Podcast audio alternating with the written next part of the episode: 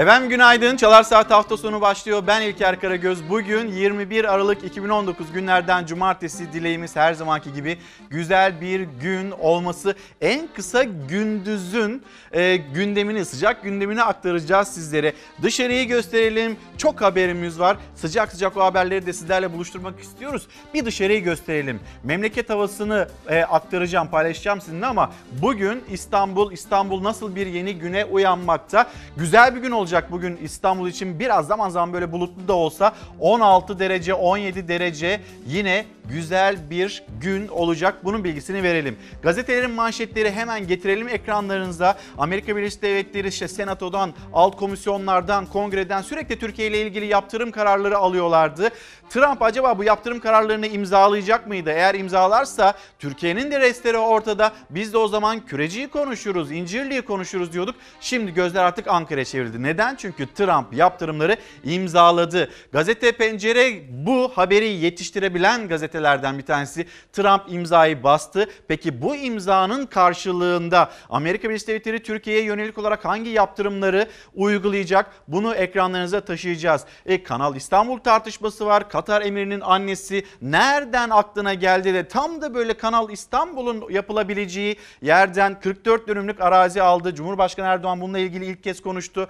Mecliste 12 gündür devam eden bir maraton vardı. Bütçe maratonu o bütçe maratonunda da artık imzalar noktalar konulmuş oldu. Gerçek şu ki başlığı altında sizlerle konuşalım istedik bugün. Gerçek şu ki işsizlik rakamları alarm seviyesinde. Gerçek şu ki asgari ücretli kendisine e, işverenlerin teklif ettiği rakamlardan mutlu değiller. Sizin de gerçek ki dediğiniz ve dikkat çekmek istediğiniz konular başlıklar varsa lütfen yazıp bize gönderin. Memleket havası ve hızlı bir şekilde Çalar Saat hafta sonu başlıyor. Meteoroloji uyarıyor. Balkanlar üzerinden soğuk hava geliyor. Bugün akşam saatlerinden itibaren etkisini artıracak rüzgar. Marmara'nın batısında güney ve güneybatı yönlerden kuvvetli. Pazar günü şiddetini artırarak pazartesi ise öğle saatlerine kadar Marmara ve Ege bölgesinde etkili olacak. Fırtınayla beraber beklenen yağmur da yağacak. Ankara ve İstanbul'da yağış pazar günü akşam saatlerinden sonra başlayacak. İzmir'de cumartesi günü başlayacak. Pazar ve pazartesi günleri de devam edecek. Salı günü akşam saatlerinden itibaren etkisini kaybedecek. Cumartesi günü güneşli bir gökyüzüyle başlayacak tüm yurtta. Ancak öğleden sonra yurdun batısında bulutlanma artacak. İç kesimler ve doğuda sisli hava etkisini sürdürecek. İç ve doğu illerde gün içinde güneş görülecek. Cumartesi gününü uğurlarken batı bölgelerde bulutlanan gökyüzü Trakya ve kıyı Ege'de kısa süreli ve hafif yağmurlar bırakabilir. Pazar günü yurdun tüm batı kesimlerinde bulutlanma artacak. Gece saatlerinde en batı kesimlerde kuvvetli sağanak yağış görülecek. Pazar gün içinde güneş görülse de batıdan doğuya bulut geçişleri ara ara güneşin önünü perdeleyebilir. Pazardan pazartesiye geçerken Marmara'da Ege bölgesinde, Trakya'da ve Batı Akdeniz'de kuvvetli sağanak yağmur bekleniyor. Pazar gece başlayan kuvvetli sağanaklar zamanla tüm batı ve iç kesimleri etkisi altına alacak. Ege ve Akdeniz kıyılarında aşırı yağış tahribat bırakabilir. Sıcaklıklar ise hafta sonunda birer ikişer düşecek. Ancak asıl sıcaklık düşüşü pazar ve pazartesi günlerinde yaşanacak. Önümüzdeki haftaya başlarken termometre değerleri keskin bir düşüş yaşayacak. Haftaya hava çok daha soğuk olacak. Gündemin sıcak başlıklarına bakacağız. Kanal İstanbul şu anda siyasetin en çok konuştuğu konu. Biz de bunu askeri açıdan, siyasi açıdan, çevresel açıdan ve ticari açıdan da e, konuşuyor olacağız. Gazete Pencere ve manşeti yasak mı? Neden söz ediliyor peki? Cumhurbaşkanı Erdoğan arazi alındığını doğruladı. Sözcü gazetesinin bir iddiasıydı. Katar emirinin annesi nereden ilham aldıysa İstanbul'da 44 dönümlük bir arazi aldı. 2018 yılı. Sonra bir proje ortaya çıkıyor. Allah Allah tam da o 44 dönümlük arazinin kıyısından geçiyor Kanal e, İstanbul. Yani orada yapılmak isteniyor. Nereden çıktı bu? Siyaset bunu konuşuyor, muhalefet bunu konuşuyor. Projeyi daha önceden birilerine birisi acaba aktarmış olabilir miydi? Yani bir tarla statüsünde bir yer 44 dönümlük alan sonradan ranta açılabileceği de düşünülen bir yer Nereden biliyor? Katar emirinin annesi geliyor oraya alıyor. Türkiye'de bir 100 bin liralık şirket kuruyor. Rüyasında mı gördü? Nereden buldu bu araziyi diye. Herkes konuşurken Cumhurbaşkanı Erdoğan bu konuyla ilgili ilk kez konuştu doğruladı. Katar emirinin annesinin Kanal İstanbul güzergahında arazi satın aldığına ilişkin iddialar için yasal altyapısı var dedi Cumhurbaşkanı. Katar emirinin annesinin ülkemizden gayrimenkul satın almasına mani, yasal herhangi bir şey söz konusu mu? sorusunu yöneltti. Yani bunu herhangi bir yerden George Hans vesaire gelip almaya kalksa herhalde kimsenin sesi çıkmaz. Katarlılar aldığı için mi konuşuluyor bu deniliyor. Yine George'lar, Hans'lar e, bunlar da havada uçuşuyor. Konuşacağız. Konuşacağımız konulardan bir tanesi bu. Yarın çok önemli bir misafir ağırlayacağız. Bugün program içinde e, belki duyanlar vardır, duymayanlar olmasın, kimse duymazlık etmesin diye Cem Gürdeniz, Türk Silahlı Kuvvetleri'nin Türk donanmasının önemli komutanlarından bir tanesi. Mavi vatan tanımını e, ortaya atan, koyan bir komutanımız, kahraman bir komutanımız. Onu yarın burada Çalar Saat hafta sonunda ağırlayacağız. Hürriyet gazetesine geçelim. Manşet Cumhurbaşkanı Erdoğan'ın cümleleri yine.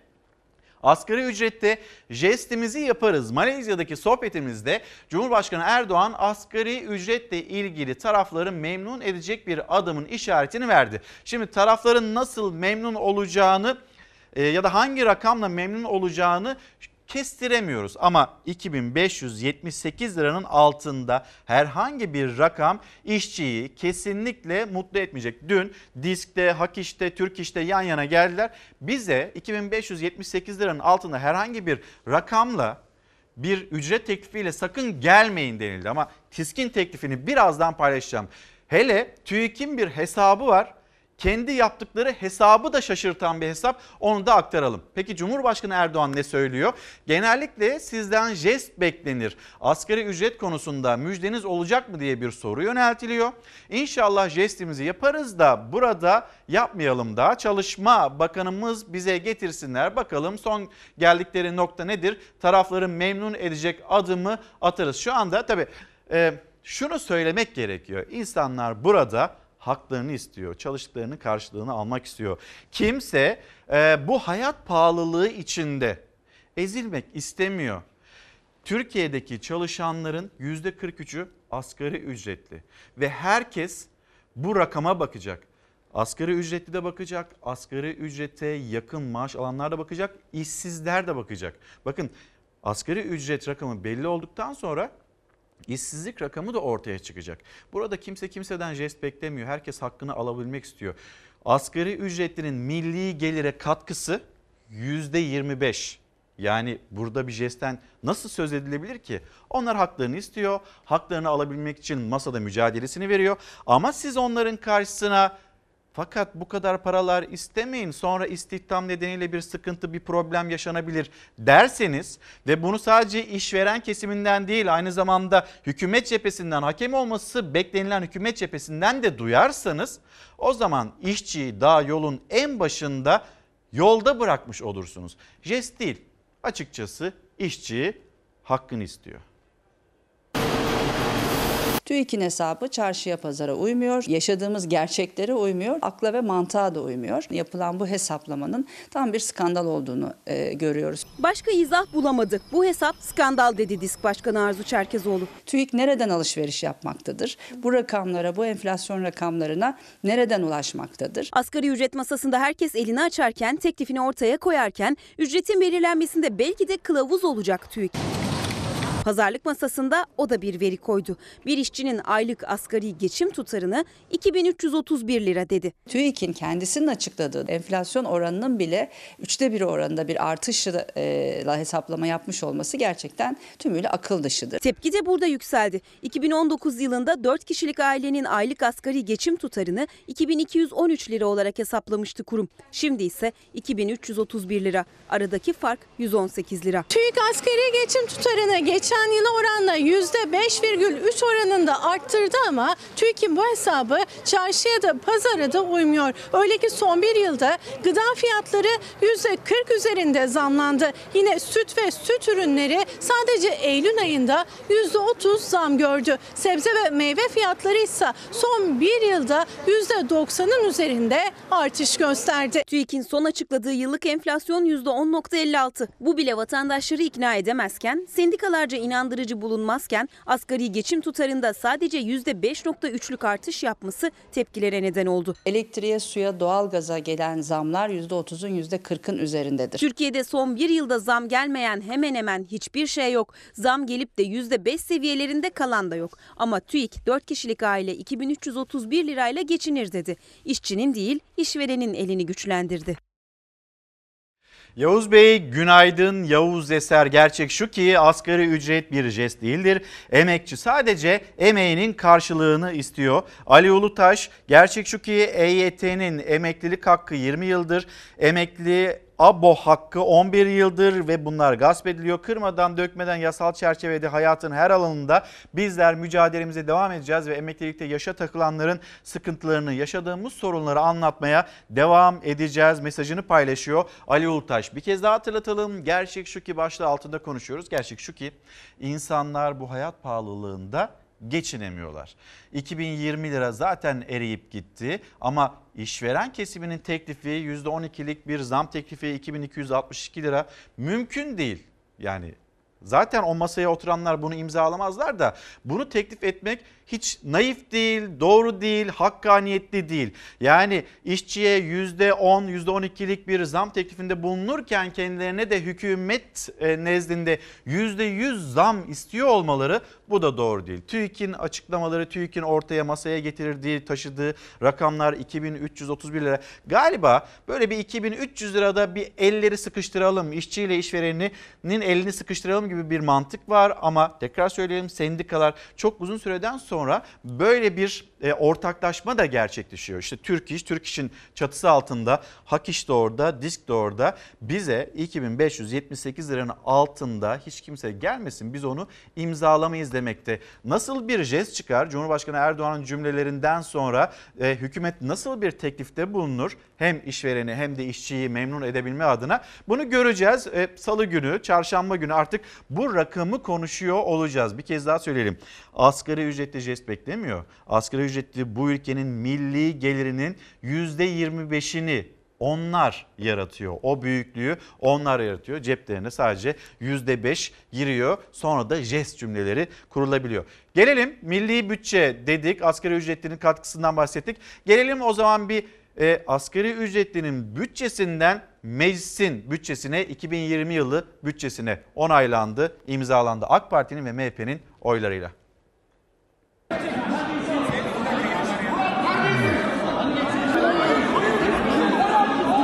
Önce komisyon ardından 12 günlük genel kurul maratonu, yükselen sesler, tartışmalar, protestolar, yumruk yumruğa gelen milletvekilleri. 2020 yılı Merkezi Yönetim Bütçe Kanunu teklifi Türkiye Büyük Millet Meclisi Genel Kurulu'nda 10 saatlik oturumun ardından AK Parti ve MHP'nin oylarıyla kabul edildi. 2020 bütçesi Cumhurbaşkanlığı hükümet sisteminin hazırladığı ilk bütçe oldu. Sarayın 145 bin lira yem gideri var. Ya çok merak ettim. Bu Cumhurbaşkanı ne besliyor? Aslan, timsah, sırtlan. Sonra aklıma geldi. Beyefendi organik besleniyor, organik. Mecliste grubu bulunan siyasi partilerin liderlerinden son gün oturumunu sonuna kadar takip eden tek isim MHP Genel Başkanı Devlet Bahçeli oldu.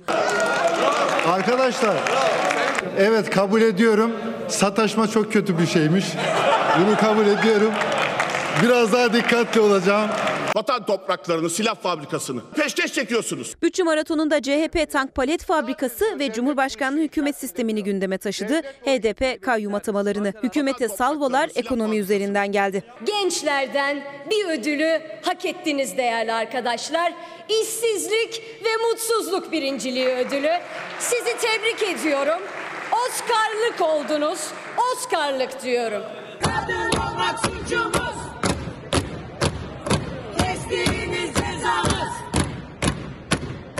Son aylarda artan kadın cinayetlerine dikkat çekmek için CHP'li milletvekillerinin genel kuruldaki Las Tesis protestosu İçişleri Bakanı Süleyman Soylu ile atışmaları da siyaset tarihine geçti. Bu eylemi yapmak için dokunulmaz olmanız gereken tek ülke ise sayenizde Türkiye oldu. Şimdi kadın milletvekilleri olarak şiddet gören, öldürülen tüm kadınlar adına size iki çift lafımız olacak izninizle. Eğer bu meclis bunları söylemeye devam etsinler derse ben İçişleri Bakanıyım. Kanuna rağmen, anayasaya rağmen en geniş hakkımı kullanacağım. Kenan Akgül günaydın doğru söylüyorsunuz. Şimdi onu da nasıl düzeltirim başarabilir miyim bilmiyorum. Ee, Instagram'da paylaşımda bulunurken tarihi yanlış yazmışım. Ee, yılın 12. ayı ama ben 22 yani yılı 22 aya çıkarmışım. Onu e, isterseniz düzeltin diyor ya da boş verin demekte. Sözcü gazetesi Sözcü gazetesinin manşetinden bir yıl nasıl geçti isterseniz onu bir ele alalım. Artık 2019 yılını tamamlayamaya az bir süre kaldı. Peki 2018'den 2019'a baktığımızda e, ya da 2020'ye girerken bizi neler bekliyor? Hayatımızda o bir yılda neler değişti? Bir şey değişti mi? Daha da mı böyle refaha kavuşmuş bir bütçeye sahibiz? Yoksa daha da mı küçüldü o cüzdanlar? Bakalım bir yılda ne değişti? Geçen yıl görüştüğümüz asgari ücretlinin evine yine gittik. 3 çocuklu Akın ailesinin maaşı yine yetmiyor. Bankadaki maaş hesabı yine ekside. Buzdolabı yine boş. Sorduk. İnsanca yaşayacak asgari ücret istiyorlar. Sözcü gazetesinden şimdi bunu okuyorum. Mecliste bunun bir tartışması var. CHP Genel Başkan Yardımcısı Muharrem Erkek, Muharrem Erkek'in asgari ücretle ilgili bir çıkışı var. Az sonra onu da dinleteceğim sizlere. Bakın 2018 yılında böyleydi. Bir asgari ücretlinin yaşam savaşı, Akın ailesi bir günde tanıklık etti, Sözcü gazetesi ama ortaya çıkan tabloya baktığımda bir yılda o asgari ücretlinin hayatında hiçbir şey değişmemiş ki. Maaşı ekside, veresiye hayatına devam ediyor. Sofradan yarı tok kalkıyorlar. Dolap yine bir yıl geçmiş hala dolap tam takır. İşte muhalefet bunu dillendiriyor. Asgari ücret, asgari ücretin hakça onurlu bir yaşama sahip olunabilmesini sağlayacak şekilde verilmesi gerektiğini söylüyorlar. Askeri ücretlinin bütçesine bakalım. Hani bütçe konuşuyoruz ya. 2558 lira değil mi? Brüt ücret. 2558 lira. Tam 538 lira vergi kesiyorsunuz. Askeri ücretliden. 538 lira. Yüzde yirminin üzerinde. Doğrudan kesiliyor. Ne kalıyor 2020 lira?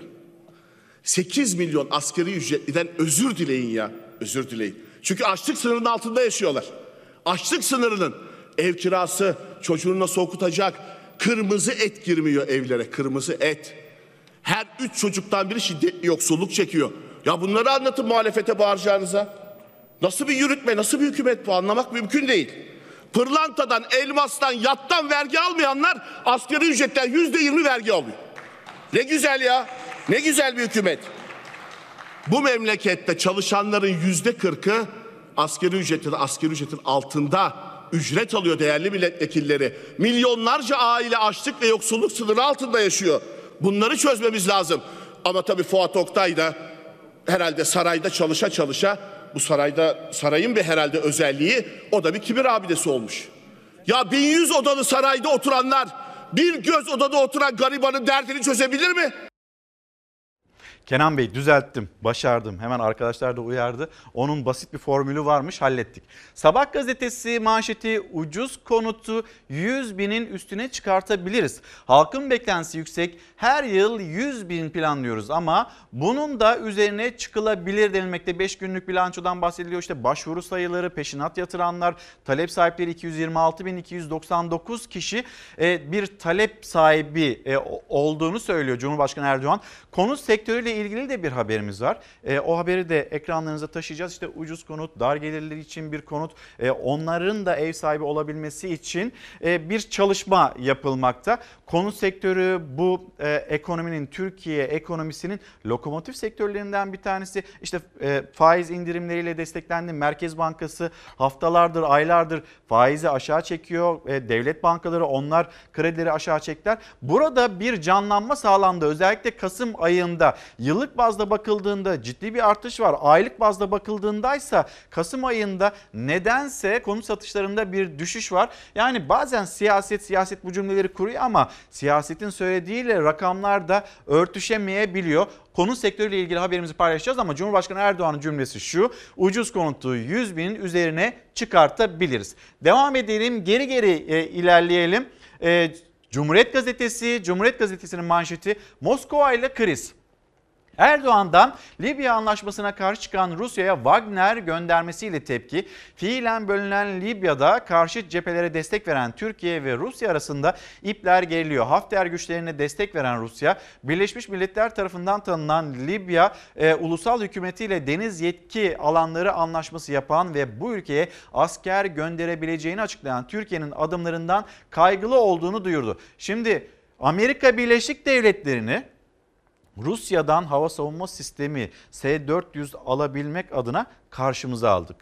Müttefiklik ilişkisi e, rafa kaldırıldı ama mesela Doğu Akdeniz, Doğu Akdeniz'de bir enerji paylaşımı, Türkiye e, ve Libya bir anlaşmaya imza atıyor. Bu anlaşmayla aslında Yunanistan'ın, Güney Kıbrıs Rum kesiminin, İsrail'in, Mısır'ın onların oyun planlarını bozuyor.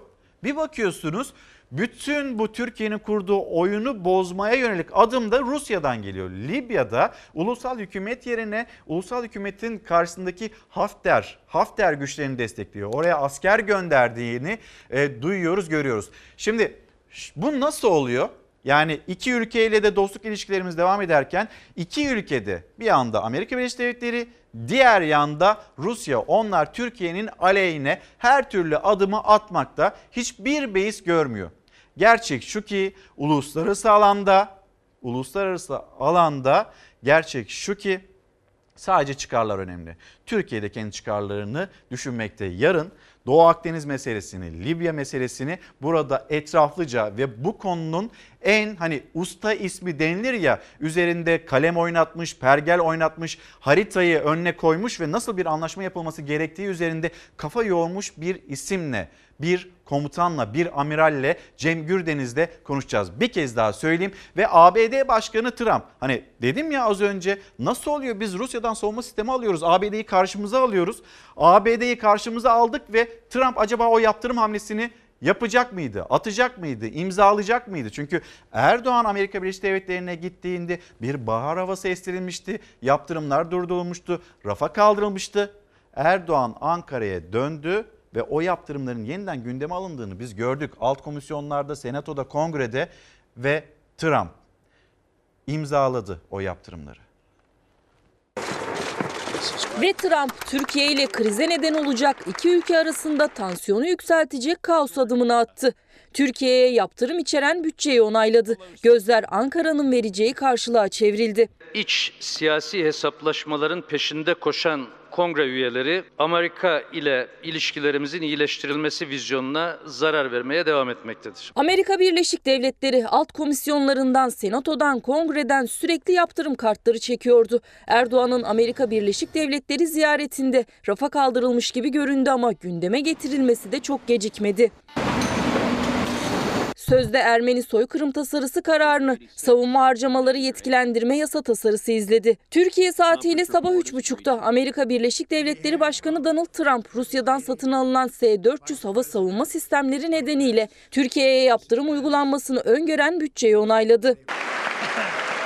Ankara'da bu yaptırımlara karşı incirlik ve kürecik kozlarını elinde tutuyor. Cumhurbaşkanı Erdoğan gerekirse demiş bu üslerin Amerika Birleşik Devletleri'ne kapatılabileceğini açıklamıştı. Trump'ın imzasından sonra Türkiye'nin önündeki sıcak gündem bu. Mr. Burr, Peki Amerika Birleşik Devletleri'nin yaptırımları neyi içeriyor? Tasarı Rusya ile yaptığı S-400 hava savunma sistemi anlaşması nedeniyle Türkiye'ye hem alıcı hem de üretim ortağı olduğu F-35 uçakları ve ekipmanları sevkiyatını yasaklıyor. Yasa tasarısıyla ayrıca Rus doğalgazını Avrupa'ya taşıyacak ve önümüzdeki yıl kullanıma girmeleri planlanan Türk akımı ve Kuzey akım 2 ve projelerini de hedef alınıyor. Tasarıda her iki projede boru döşeme çalışmalarına katılan gemiler ve gemilerle bağlantılı yabancı uyruklu kişilere yaptırım uygulanmasını da öngörüyor. Kıbrıs Rum yönetimine silah ambargosu da koşullu olarak kaldırılıyor. S-400 ve F-35'lerle ilgili adımlar bitmiş işler. Şimdi bir de utanmadan sıkılmadan Türk akımla ilgili buna yaptırım uygularız diyorlar. Bu tam manasıyla haklarımıza tecavüzdür. Bütün bunlara karşı tabii ki bizim de yaptırımlarımız olacak. Yani biz eli kolu bağlı duracak bir millet değiliz. Amerika Birleşik Devletleri Savunma Bakanı Mark Esper de konuştu. İki ülkenin müttefikliğine vurgu yapıp Türkiye'yi NATO ittifakına yaklaştırmamız lazım dedi. Şimdi gözler Ankara'da, Türkiye'de Cumhurbaşkanı Erdoğan Körecik restini, İncirlik restini bu yaptırım imzalanmadan önce çekmişti. O bölgeler, o üsler boşaltırılacak mı Amerika Birleşik Devletleri'ne? Bunun takibi yapılacak. Muhalefetin de açık çeki var. Eğer bu yaptırım kararı imzalanırsa siz de Kürecik ve İncirlik kararını alın. Biz de sonuna kadar arkanızdayız denilmişti. Şimdi tekrar söyleyelim gözler artık hükümette Cumhurbaşkanı'nda.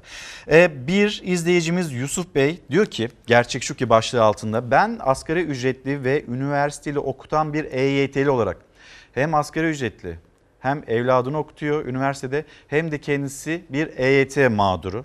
Bu hükümetin artık betonla değil toprak ve hayvancılıkla uğraşıp üretim yapması gerekiyor. Yusuf Cihan'ın paylaştığı mesaj bu şekilde. Gelelim Ankara'da bir imar tartışması var. Bu imar tartışması ile ilgili Mansur Yavaş dün Uğur Dündar'ın konuydu Tele 1'de ve orada da yeni açıklamalarda bulundu. Gecenin önemli çıkışlarından bir tanesiydi Mansur Yavaş'ın yaptığı. Havadan 600 milyon lira kazanacaklardı. Sinan Aygün ve Mansur Yavaş Ankara Büyükşehir Belediye Başkanı Mansur Yavaş arasında bir tartışma efendim bu. Sinan Aygün'ün rüşvet iddiasına sert yanıt veren Mansur Yavaş 600 milyon liralık rantı engellediklerini iddia etti. Aygün'ün son güne kadar kendisiyle temas kurmaya çalıştığını söyleyen Yavaş çok istediği ama görüşmedim dedi. Yavaş binaların yıkılmasını istiyor. Bu binalar yıkılacak mı? İkili arasında nasıl bir tartışma var? Ankara'da son 10 yılda nasıl bir imar değişikliği yapılmış bunu etraflıca değerlendirmek, ele almak istiyor Mansur Yavaş. Bu şahıslar kaçak şimdi. Kaçak Kayıp. mı? Evet. Kaçak. Sinan Aygün bunlara para ödediyse bu para yurt dışına gitti. Bu suç. Yani Sinan Aygün yüzünden bu para FETÖ'ye ödendi ve yurt dışına gitti. Yoklar. Ödemediyse Çok vahim iddialar. bu. Evet ödemediyse gizli ortak aynen devam ediyor. Aynen devam ediyor burada ve buraya devletin bu incelemeyi yaparak Sinan Aygün'ün kaç para verip vermediğini bakıp kontrol edip derhal buraya el koyması gerekiyor. Böyle bir gayrimenkul. Yani buradan bir ihbarda bulunuyorsunuz siz. Evet, yo, gerekli Cumhuriyet müracaatı savcılarına, yapacağız. Cumhuriyet savcılarına Efendim, bir gerekli müracaatı e, suç yapacağız. duyurusu e, anlamına geliyor Şimdi- bu. Ortaya çıkan rant nereden nereye ulaşmış? Şimdi işte bir biraz rakam önce- verebilir misiniz? Tabii söylüyorum. Yani e, siz ilk başta e, aşağı yukarı 30 bin metrekare, 25 bin metrekare inşaat yapılacak yer 120 bin metrekareye çıkıyor. 95 bin metrekare fazladan bir hak veriliyor ve Nedir değeri orada metrekarenin? 7 bin ile 10 bin lira arasıdır. Bu tür yerlerin metrekaresi buna göre Ankara halkı çarpsın bu çıkarsın. Kaçta e, 7 7 bin, lirayla ila 10 bin, 10 bin lirayı arasıdır. kaçla Evet. çarpacağız? 95 binle çarpacaksınız. 600 milyon ila 950 milyon lira arasında eski parayla trilyon e, böyle bir kazanç Evet. elde edileceğini hesaplamış sayın konuklarımız. İnanılmaz rakamlardan bahsediliyor. Görüyorsunuz 7 bin ile 10 bini 95 bin metrekareyle çarpıyorsunuz. Ortaya garip bir para çıkıyor ve o doğayan gazeteci Uğur Dündar da uff dedi. Böyle bir rakam, böyle bir rant, böyle bir e, alışveriş nasıl olabiliyor? Yargı dur demiş. Şimdi Ankara Büyükşehir Belediyesi ile Sinan Aygün, Mansur Yavaş'la Sinan Aygün karşı karşıya geldi. Bugün bazı gazetelerden de okuyacağız. Sinan Aygün'ün elinde e, görüntüler hani rüşvet istendiğine dair kendisinden görüntüler olduğunu söylemişti. Gazetelerin bazıları hükümete yakın olanları bu başlığı ilk sayfalarına taşımışlar. Sinan Aygün elinde bir görüntü varsa kuşkusuz bunu da herhalde savcılarla paylaşacaklar ama Mansur Yavaş da ben suç duyurusunda bulundum demekte. Boğazlardaki egemenliğin güvencesi Montreux Aydınlık Gazetesi, Aydınlık Gazetesi esasen hükümetin adımlarına e, destek de veren cümleler, haberler, e, açıklamalar onlara yer veriyor. Ama bu konuda mesela Kanal İstanbul konusunda Türkiye'nin ulusal güvenliği noktasında e, dikkatli olması gerektiğini ve bu projeden de vazgeçilmesi gerektiğini Montreux Boğazlar Sözleşmesi'ne aykırı bir tablo uluslararası adalet divanını devreye sokacak Türkiye'nin elindeki haklarını kaybetmesine neden olabilecek bir sonuç doğurabilirsiniz açıklaması manşette. Montreux Anlaşması'nın boğazlarda tam egemenlik hakkı olduğunu vurgulayan diplomatlar Montreux'un ortadan kalkması halinde Karadeniz yabancı gemilerle dolar dedi. Diplomatlara göre boğazların anahtarı rolündeki Montreux'den vazgeçmek egemenlik hakkımızdan vazgeçmek demek. İki omurgası var Türkiye Cumhuriyeti'nin egemenlik haklarını koruyan bir Lozan Anlaşması ikincisi Montreux. Eğer burada omurgayı bozacak bir adım atılırsa Kanal İstanbul'la e, Türkiye için iyi olmaz. Bu bir ulusal güvenlik meselesi haline gelir denilmekte. Şimdi konu bir askeri siyasi açıdan, diplomatik açıdan tartışılıyor. Bir de olayın ticari boyutu var. 44 dönümlük bir arazi boyutu. Katar emirinin annesi hatta Katar emirinin kendisi tam da o Kanal İstanbul'un yapılacağı projenin geçeceği yerlerden tarlalar almışlar.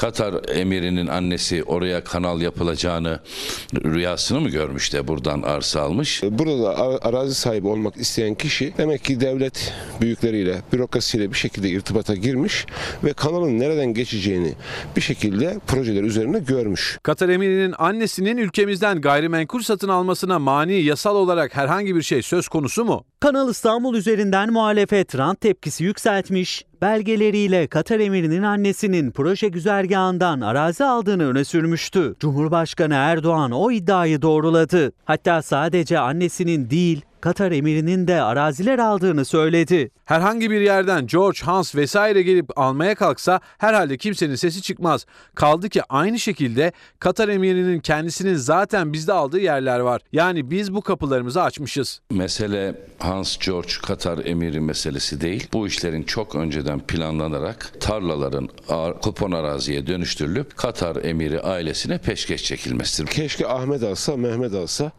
kendi vatandaşımızın mevcut şu andaki toprak sahiplerinin üzerinde kalsa. Kanal İstanbul kente fiziken zarar verecek mi vermeyecek mi tartışılırken CHP'den yükselmişti Katar iddiası. Katar emiri Şeyh Temim bin Hamed El Sani'nin annesi Şeyha Moza'nın 2018'de 100 bin lira sermaye ile şirket kurduğu, bir buçuk ay sonra da proje güzergahından arazi satın aldığı ileri sürülmüştü. Arnavutköy Baklalı köyündeki o arazinin 44 dönüm olduğunu önce Çevre ve Şehircilik Bakanı Murat Kurum doğruladı. Katar Şeyhi ile alakalı böyle bir e, söylenti var.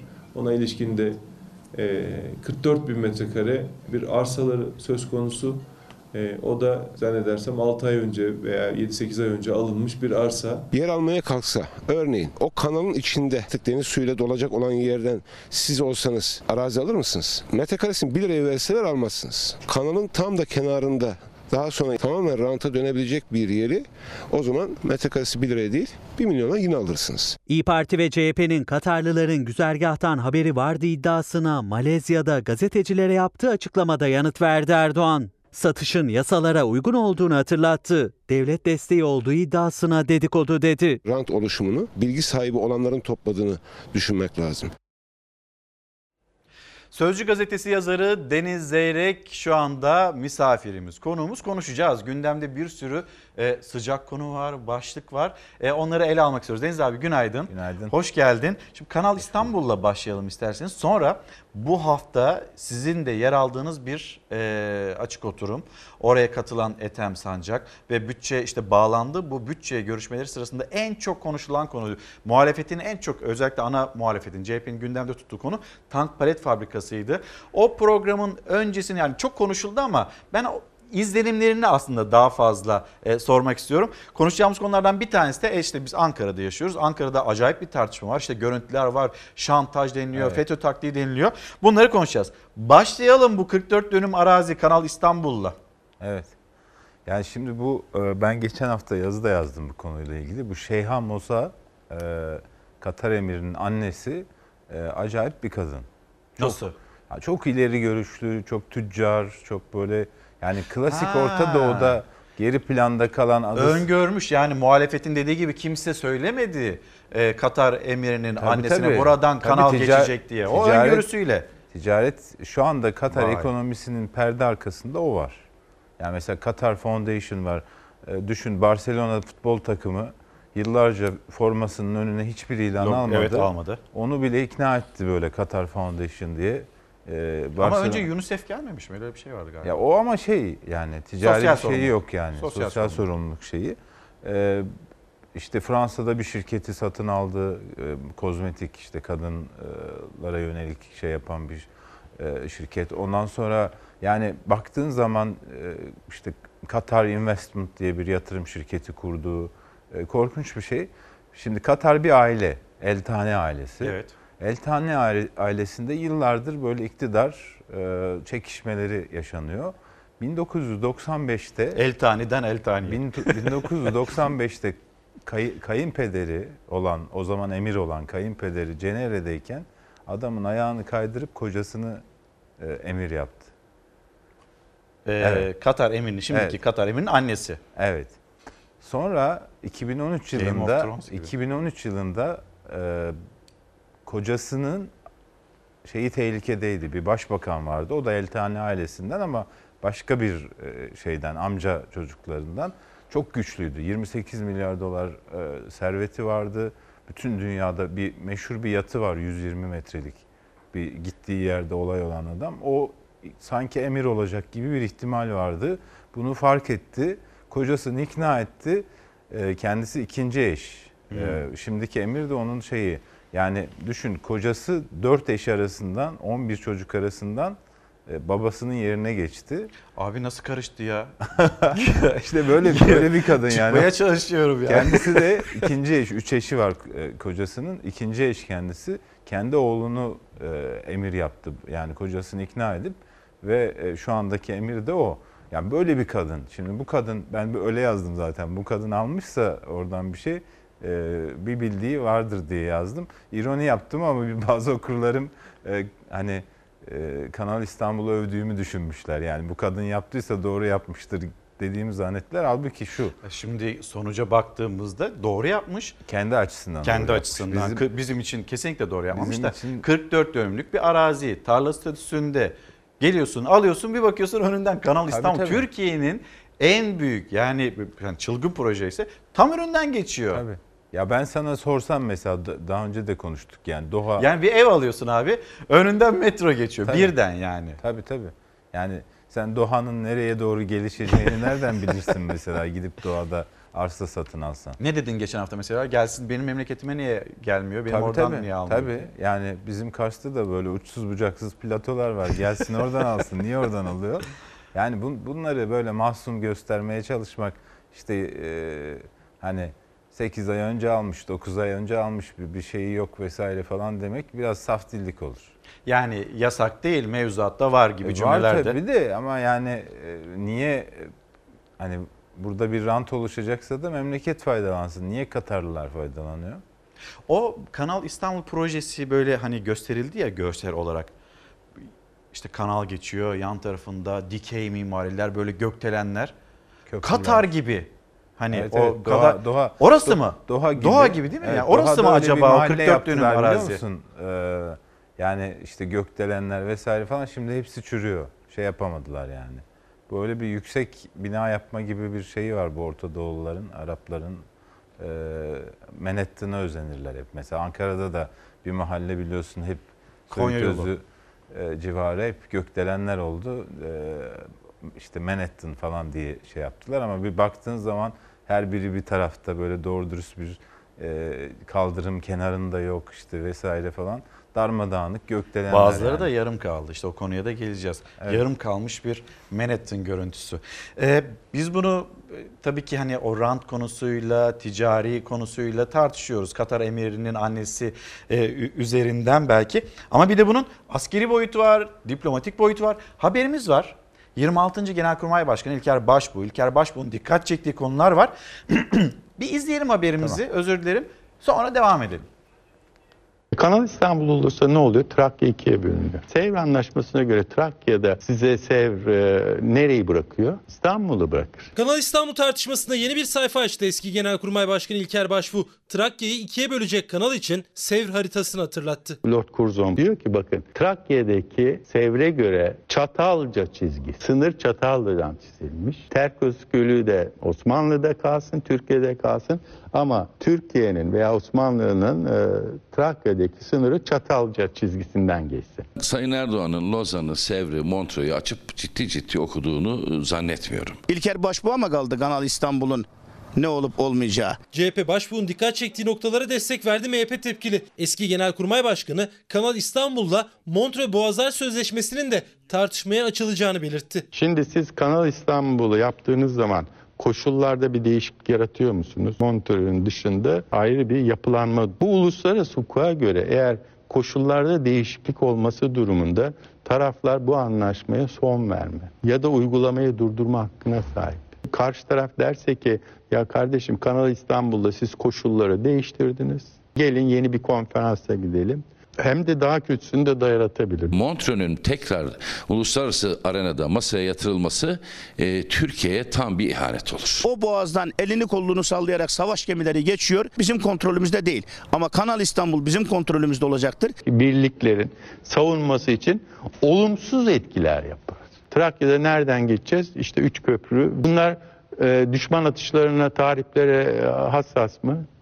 E, tabii düşman da ilk önce oraları tahrip ederek sizin bu lojistik akışınızı, birlik akışınızı engellemeye çalışacak. İlker Başbuğ Kanal İstanbul projesiyle Trakya'nın güvenlik riskinin de özellikle altını çizdi. Bölgede yeni gerilimlerin ortaya çıkabileceği endişesini de dile getirdi. Amerika Birleşik Devletleri ve NATO özellikle Karadeniz'deki varlığını arttırmak istiyor. Ukrayna ile Rusya arasında gerek bazen Gürcistan'la Rusya arasındaki yaşanan sürtüşmelerde müdahil olmak istediği için istekli olan da Amerika'nın olduğu biliniyor. Rusya artık Gürcistan ve Ukrayna'yı kaybetmez. Savaşı bile gözü alır. Eski Genelkurmay Başkanı İlker Başbuğ, Kanal İstanbul aynı zamanda dış politika konusu diyor. Üzerinde hassasiyetle düşünülmesi gerektiğini söylüyor. Şimdi siyaset, siyasetçi, işte Cemal Engin Yurt, İlker Başbuğa mı kaldı diyor. Yani siyasetçi bilir, komutan bilecek değil ya ya da asker bilecek değil ya. Ordu komutanlığı yapmış bir kişi. Yani siyasetçiden nasıl daha iyi bilebilir? Hayır, mali yanından bahsetmiyor ki, ekonomisinden bahsetmiyor ki, güvenliğinden bahsediyor. Ve Şimdi- e, askerler bu uluslararası anlaşmaları en iyi çalışan e, insanlar, diplomatlarla askerler. Yani hangi anlaşma Türkiye'ye ne getiriyoru, Türkiye'de en iyi hatmetmiş adamlar askerler ve diplomatlardır. Dolayısıyla Montreux'u soracaksan diplomata soracaksın ya da askere soracaksın. Bu bunun Çünkü stratejik bir adım tabii, tabii, atıyorsun. bunun Montreux'u nasıl etkileyeceğini siyasetçiye falan sormayacaksın. Askere soracaksın, diplomata soracaksın. Ya bu yapılır mı? Yapılır. İşte inşaat mühendisi e, bir ulaştırma bakanımız var. Çevre mühendisi, çevre bakanlığı yapıyor ama kendisi de bir e, inşaat mühendisi. Mühendislik olarak, inşaat olarak yapılır. Yapılır da yani sonrasında ne olur? Rıza Türmen bununla ilgili bir çok detaylı bir yazı yazdı. Mesela Süveyş kanalını değerlendirdi, Panama kanalını, Kiel kanalını bunları değerlendirip Montreux'e getiriyor sözü. Şimdi burada e, İlker Başbuğ dedi ya, koşullar değiştiğinde yeniden gözden geçirilir maddesi. Evet. e, En önemli madde. Çok riskli bir şey. Yani e, biraz önce okudun Aydınlık gazetesinin manşetini. Aydınlığın bu memleket meselelerindeki tavrını hepimiz biliyoruz. Yani memleketin aleyhine olan her şeyin karşısına dikiliyorlar. Evet. Lehine olan şeyleri de açıktan destekliyorlar. Yani hani muhalif olmalarına rağmen, muhalefette olmalarına rağmen hükümeti destekliyor gözükmekten çekinmiyorlar önemli meselelerde. Ama Aydınlık gazetesi bile eğer böyle bir tavır ortaya koymuşsa bundan bir ders çıkarsınlar. Yani Montreux Anlaşması sulandırılırsa ne olur? hepimizin iyi düşünmesi lazım. Şimdi Rıza Türmen'in yazısında bir denge var, üçlü bir denge var. İşte Türkiye açısından e, Karadeniz'e komşu olan ülkeler ve Karadeniz'e komşu olmayan ülkeler açısından bir e, Montreux'de denge kurulmuş. Türkiye'de burada boğazlar konusunda söz sahibi e, olmuş ve boğazlar denildiğinde Montreux Sözleşmesi'nde e, sadece İstanbul Boğazı'ndan söz etmiyoruz. İstanbul Boğazı, Marmara Denizi, Çanakkale, Çanakkale Boğazı'ndan söz ediyoruz. Siz e, bu dengeyi bozarsanız yani başka bir kanal açarsanız İstanbul Boğa- Boğazı'nı atlamış olursanız bu kez boğazlar kelimesini yani en temel kelimeyi yok etmiş olursunuz. Evet, Bu buna dikkat çekiyor. Boğazlar ve kanal. Boğazlar ve kanal. Şimdi başka bir anlaşma. Uluslararası Adalet Divanı'na gidecek. Başka ülkeler, başka haklılıklar Bir iletecekler. de hiç düşünmediğimiz, hiç konuşmadığımız bir şey var. Nedir abi? Ee, boğazları kullanan ülkeler yani boğazları kullanarak nereye geçiyorsun? İşte Gürcistan. Karadeniz'e, Karadeniz'e gidiyorsun yani. Gürcistan var, Rusya var, Romanya var, Bulgaristan var. Dört tane ülke. Bunların e, yani bu kanalı planlarken bunların ekonomisinin uçacağını falan düşünerek planlıyorlar. Yani 5 gemi geçecekken 50 gemi geçecek. Çünkü Rus ekonomisi patlayacak. İşte e, Gürcistan böyle bir yaklaşım var. Yani halbuki Karadeniz kıyısındaki ülke sayısı belli. Ticaret hacimleri belli. Yani bunları falan hiç düşünmüyor. Niye artar boğaz Bir de trafiği? zorlayamıyorsun Deniz abi. Yani sadece sen Kanal İstanbul'dan Rakamları da- geçeceksin diye bir Tabii tabii. şart Rakamları da koyamıyorsun. çarpıtıyorlar. Ee, son dönemde dünyadaki ekonomik koşullara da bağlı olarak oradan geçişler falan da azaldı. Ee, artmadı yani rakamlara baktığın zaman.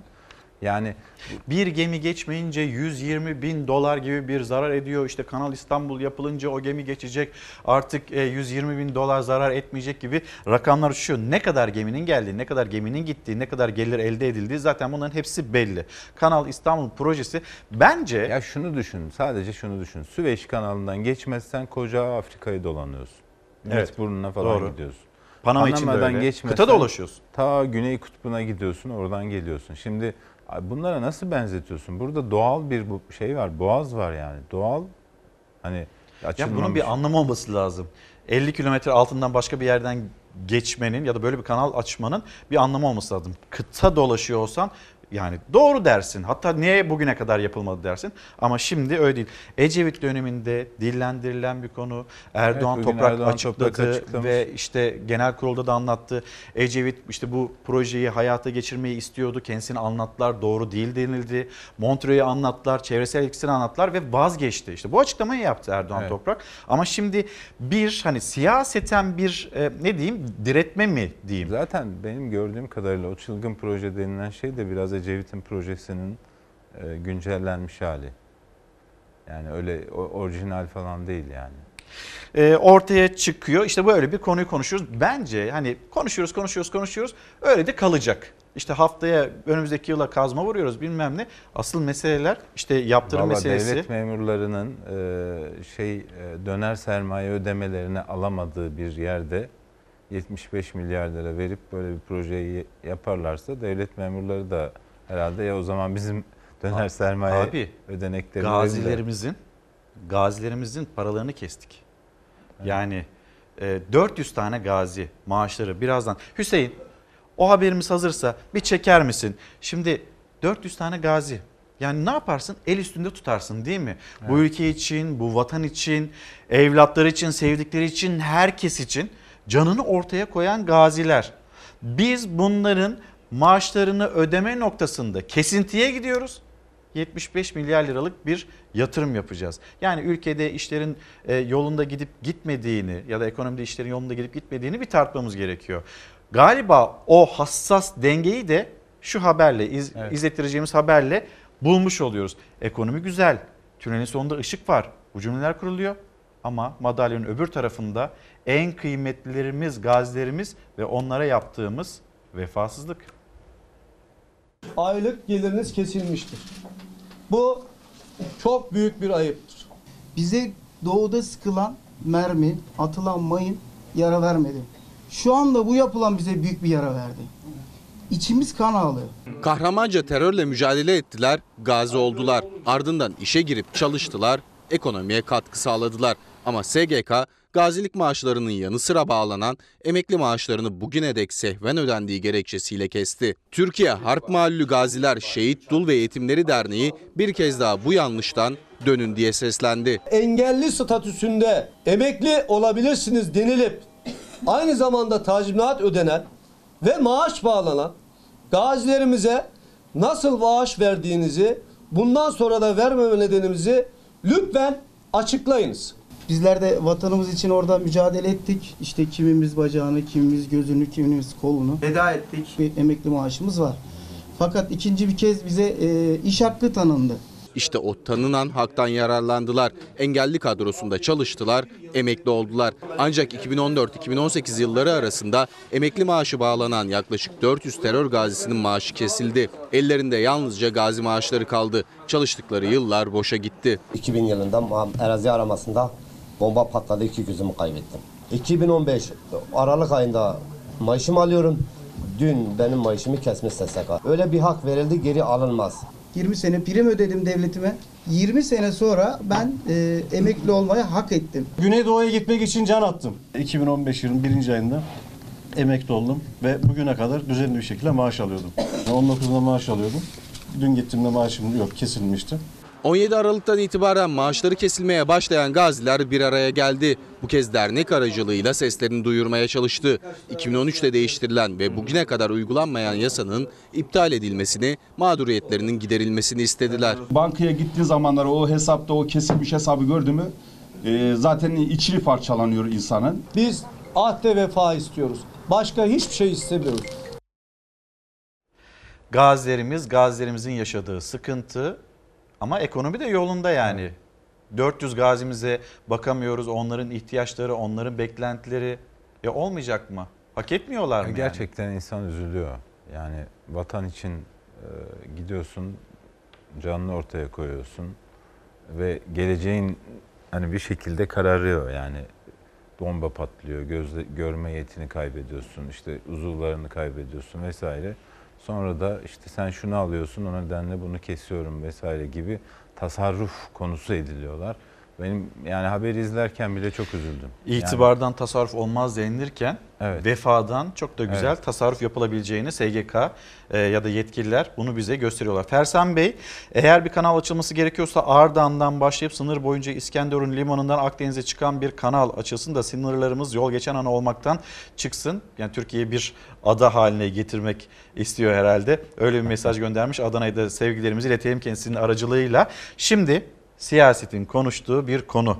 Evet. Ee, Adalet Bakanı, Adalet Bakanı'nın işte seneler önce çekilmiş bir görüntüsü ve bugün ortaya çıkıyor. Bir el öpme anı. Paylaşalım, konuşalım. Ee, 2015 hatırladığım kadarıyla seçim öncesinde 7 Haziran öncesiydi. E, Milletvekili dahi e, değildim galiba. Milletten aldığı yetkiyi o tarikat liderinin eline dudaklarıyla verir. Bu doğru değildir. Burada tarikatlerin ve onlarla ilişkili insanların belli ritüelistik tavırları vardır. O çerçevede bakmak lazım. Adalet Bakanı Abdülhamit Gül'ün sözde bir tarikat şeyin elini öptüğü görüntü siyaseti dalgalandırdı. Bakan o dönemde vekil değildim diyerek savundu kendisini. Muhalefetin eleştirilerine AK Parti'den de ritüel yanıtı geldi. MHP de bakana sahip çıktı.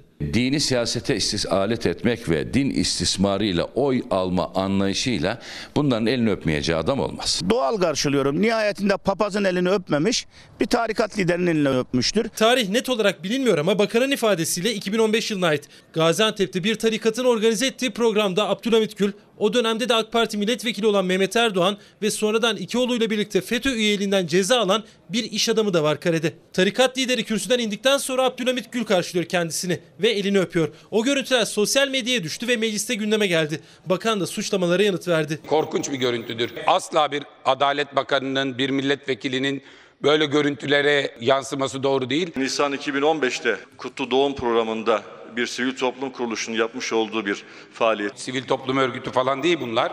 Muhammed Muta El Haznevi, Nakşibendi tarikatının Halidiye kolundan 2005'ten beri tarikatın başında ve Suriyeli kendisi tarikat lideri. Düşüncesi, yaşam tarzı, inancı ne olursa olsun insani anlamdaki münasebetlerimiz ve etkinliklere katılmamız elbette e, söz konusu olabilir. Milletvekili dahi e, değildim galiba. Hala ders almadık mı? Hala almadık mı? Bunlar darbe yapınca mı bunlarla mücadeleye başlayacağız? Muhalefet FETÖ hatırlatması yaptı. Tarikatların devlet içinde yapılanma riskine dikkat çekti. Bakansa hiçbir yapıya izin vermeyeceğiz dedi. FETÖ gibi ya da benzer hiçbir oluşuma izin vermemek için her türlü mücadelemizi hukuk çerçevesinde yapacağımızı ifade etmek isterim. Her türlü mücadelemizi sürdüreceğiz diyor. Orada bir soru var Özgür Özel'in. Hala ders almadık mı? Ne Evet. dersin abi? Ya bu şimdi ben bu konulara iki açıdan bakıyorum. Bir tanesi insanların özel e, tarafı. Yani bu tarikatlar, cemaatler vesaire. Yani insanların nasıl inandığına başkaları karar veremez.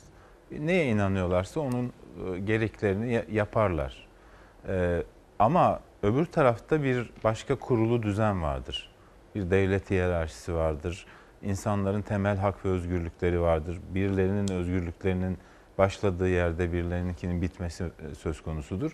Eğer özel yanınızdaki bu ilişkiler devlet tarafına taşınıyorsa bu çok ciddi bir problemdir.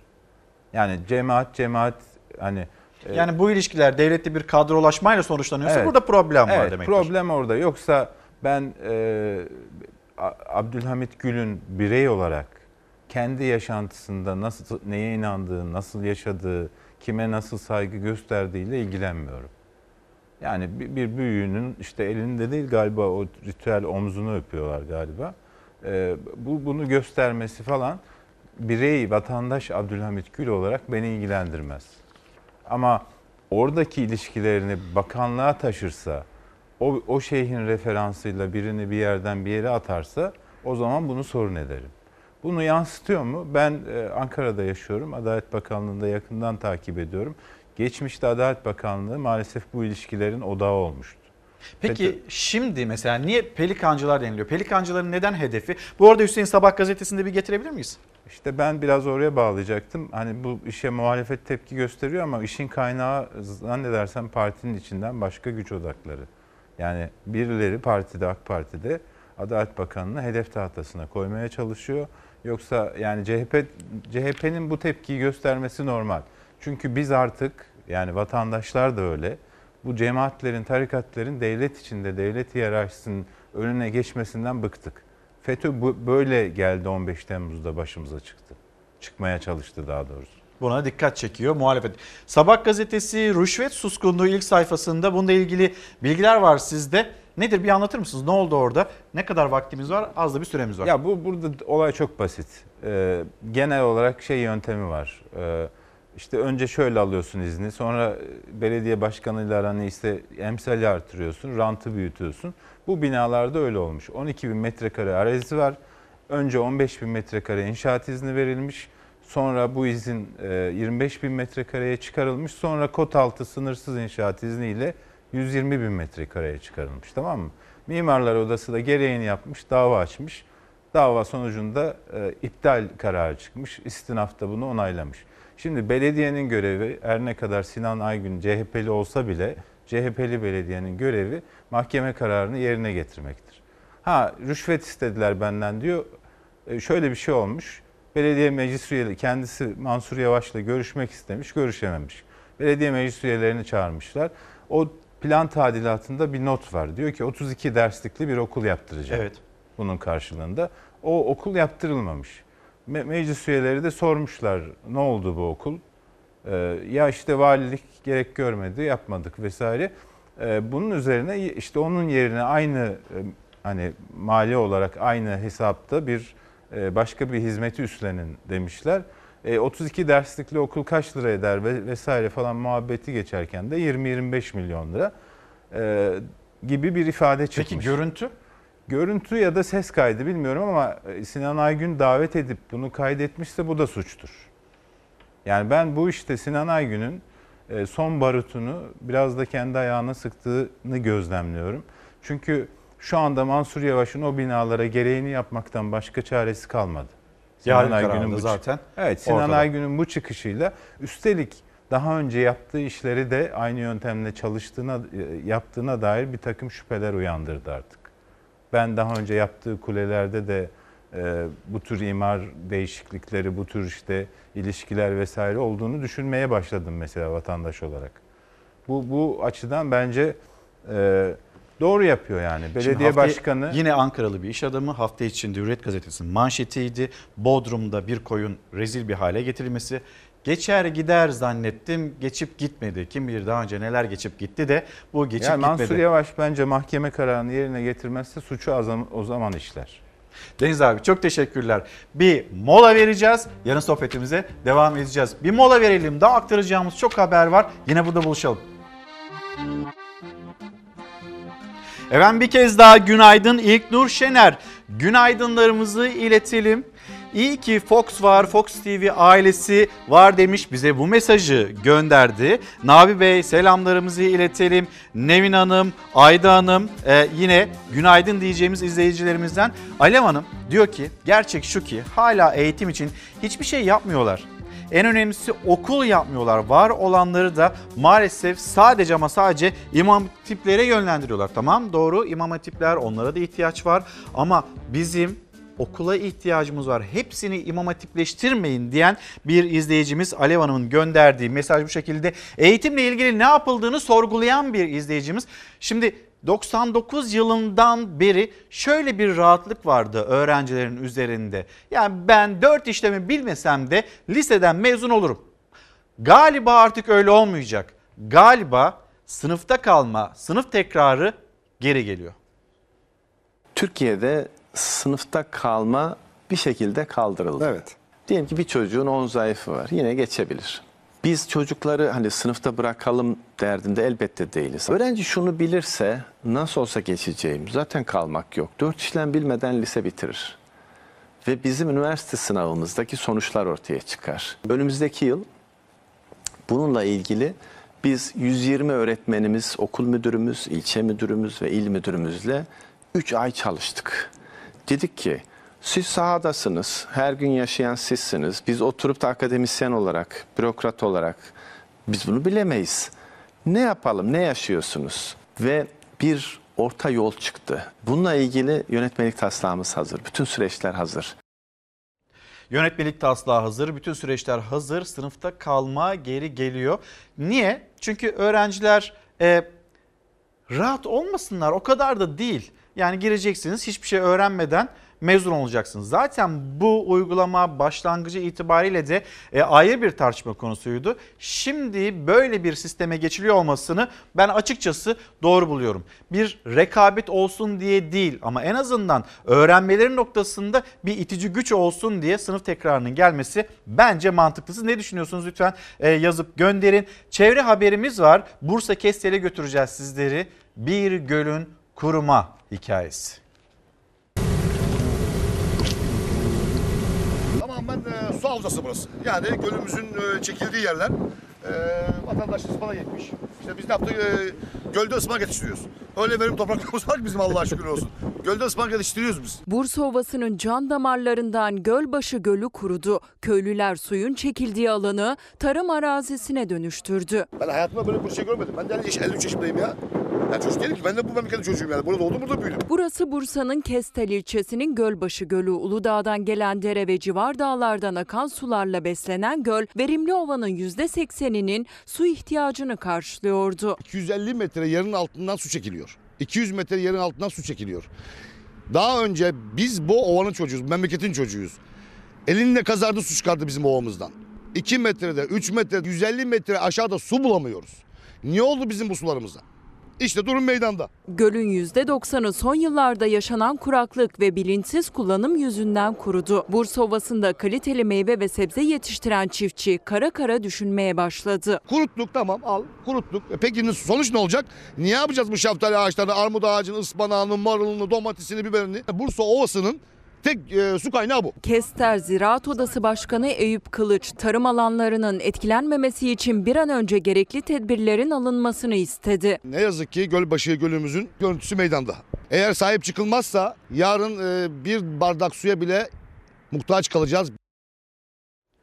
Hürriyet gazetesi ile devam edeceğiz. Seçtiğimiz bir haber daha. Zulme 3 ay ara İstanbul'daki adaların kanayan yarası faytonlarda şimdilik bir ara çözüm bulundu. Ruam hastalığı nedeniyle faytonlara 3 ay at koşulmayacak, izinsiz ahırlar yıkılacak. Burada bir problem var, bir sıkıntı var. Adalar Belediye Başkanı Erdem Gül e, gelirken e, oy isterken bu meseleyi çözeceğini söylemişti. Bununla ilgili adım atmak istiyor. Ama e, diğer taraftan da geçimini bununla sağlayan insanlar var. Nasıl bir ara yol bulunacak? Bir de e, artık Ruam hastalığı diye, at vebası diye bir başka hastalıkla tanıştık. 3 aylık bir ara verilecek. Zulme 3 ay ara deniliyor. Belki artık İstanbul Valiliği devreye girer. İstanbul Büyükşehir Belediye Başkanı Ekrem İmamoğlu onun yapmak istedikleri işte adalara geldiğinde vaatleri vardı Erdem Gül. Burada bir formül bulunur. Ailelerle, geçimini buradan sağlayan ailelerle konuşulur da artık atlara olan bu zulüm tamamen ortadan kalkar. Sadece ara verilmez. 3 aylık bir ara yeterli değil çünkü. Faytonlara at koşulmasının 3 ay süreyle durdurulmasına. 3 ay değil, 5 ay değil, 7 ayda değil. Biz sonsuza kadar artık bu zulmün tarihe karışmasını istiyoruz. Faytonlar kalkacak. Yani bunun başka yolu yok. Devreye İstanbul valisi girdi. Atların faytonlara koşulmasına 3 ay yasak geldi. Ancak İstanbul Büyükşehir Belediyesi önünde çadır kurup sabahlayan hayvanseverler bu kararı yeterli bulmadı. Kalıcı bir çözüm istiyorlar. Bizim açımızdan yeterli değil. Mesele 3 ay, 4 ay, 5 ay değil. Kalk sürdürülebilir olması. İstanbul Büyükada'da atların çok ağır koşullar altında fayton çekmesi son bulsun diye eylem yapıldı. Hatta yerel seçim öncesi vaatler verildi. Meclis Hayvan Hakları Komisyonu'nda da inceleme yapılmasına rağmen somut adım atılmadı. Adalardaki atları faytonların boyundurundan kurtarıp özgürlüklerine kavuşturmak için bir çalışma yapıyoruz. Adalarda bir fayton meselesi var. En insani kurallarla, en vicdani kurallarla hayvanları koruyarak süreci kollayacağız, koruyacağız. Hayvanseverler yıllarca engelleyin diye seslendiler ve birçok kez yetkililere ulaşmayı denediler.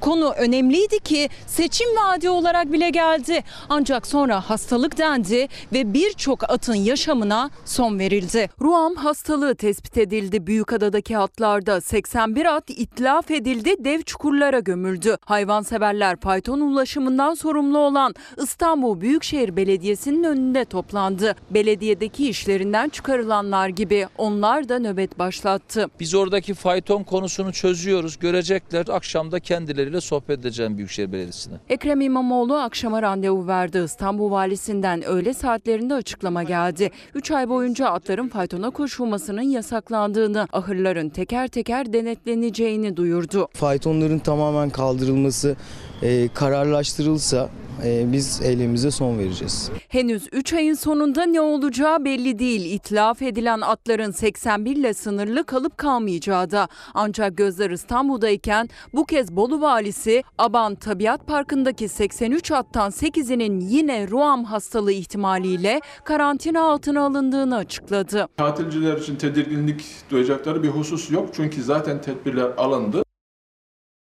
Ekrem İmamoğlu hayvanseverlerle dün akşam saatlerinde buluştu, görüştü ve herkesi memnun edecek bir çalışma, bir çözüm formülü üzerinde e, çalıştıklarını, hazırlandıklarını da söyledi.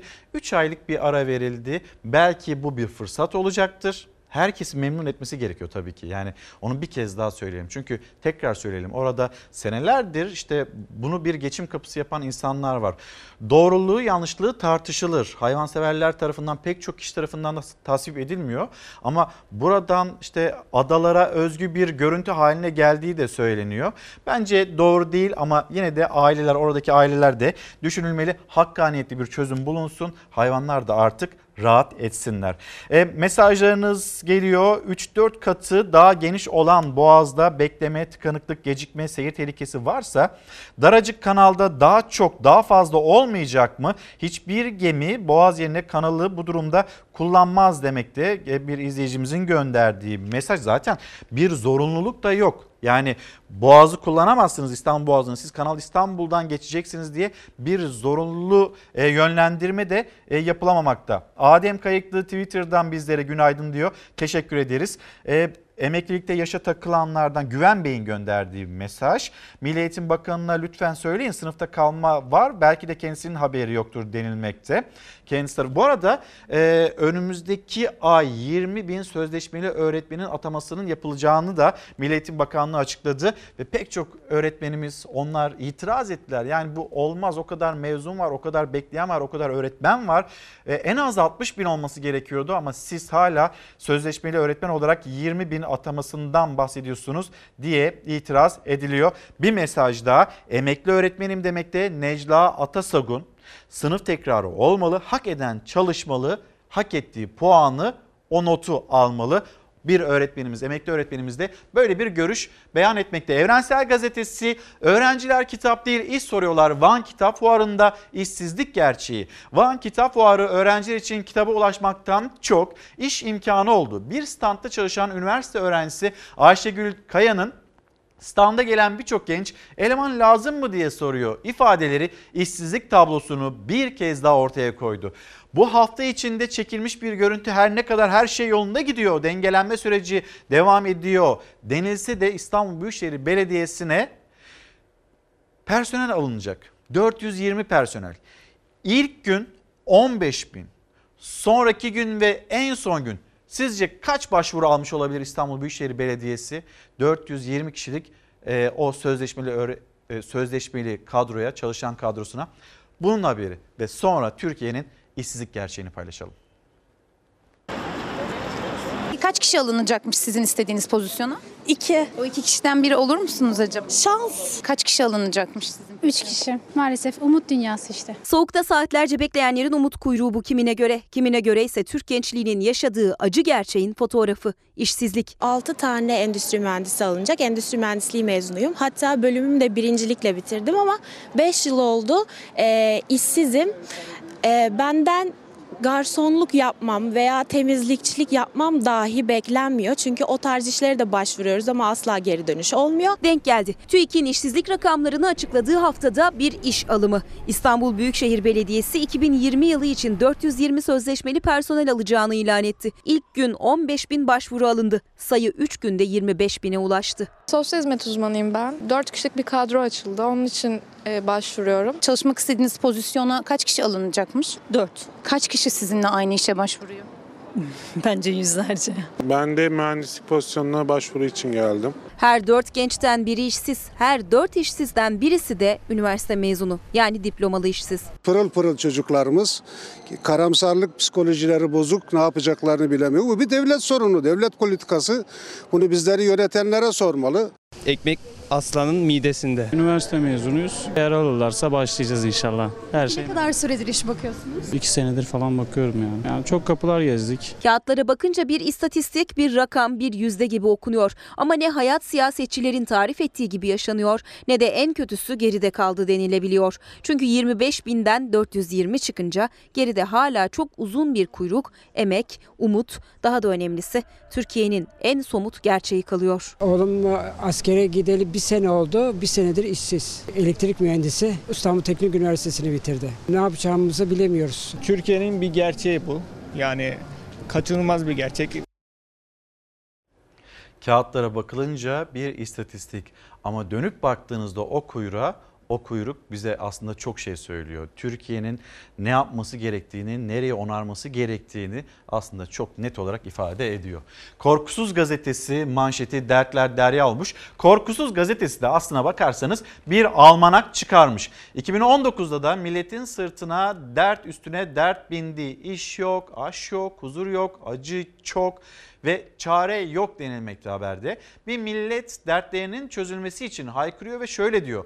Derdim çoktur hangisine yanayım? Başlık başlık işte baloncuklar da çıkartılmış. Vatandaşın aslında geçim derdini anlatıyor Korkusuz gazetesi bu manşet haberinde. Sıradaki haberimiz yine işsizlik üzerine TÜİK'in açıkladığı işsizlik rakamları %14 seviyesindeydi.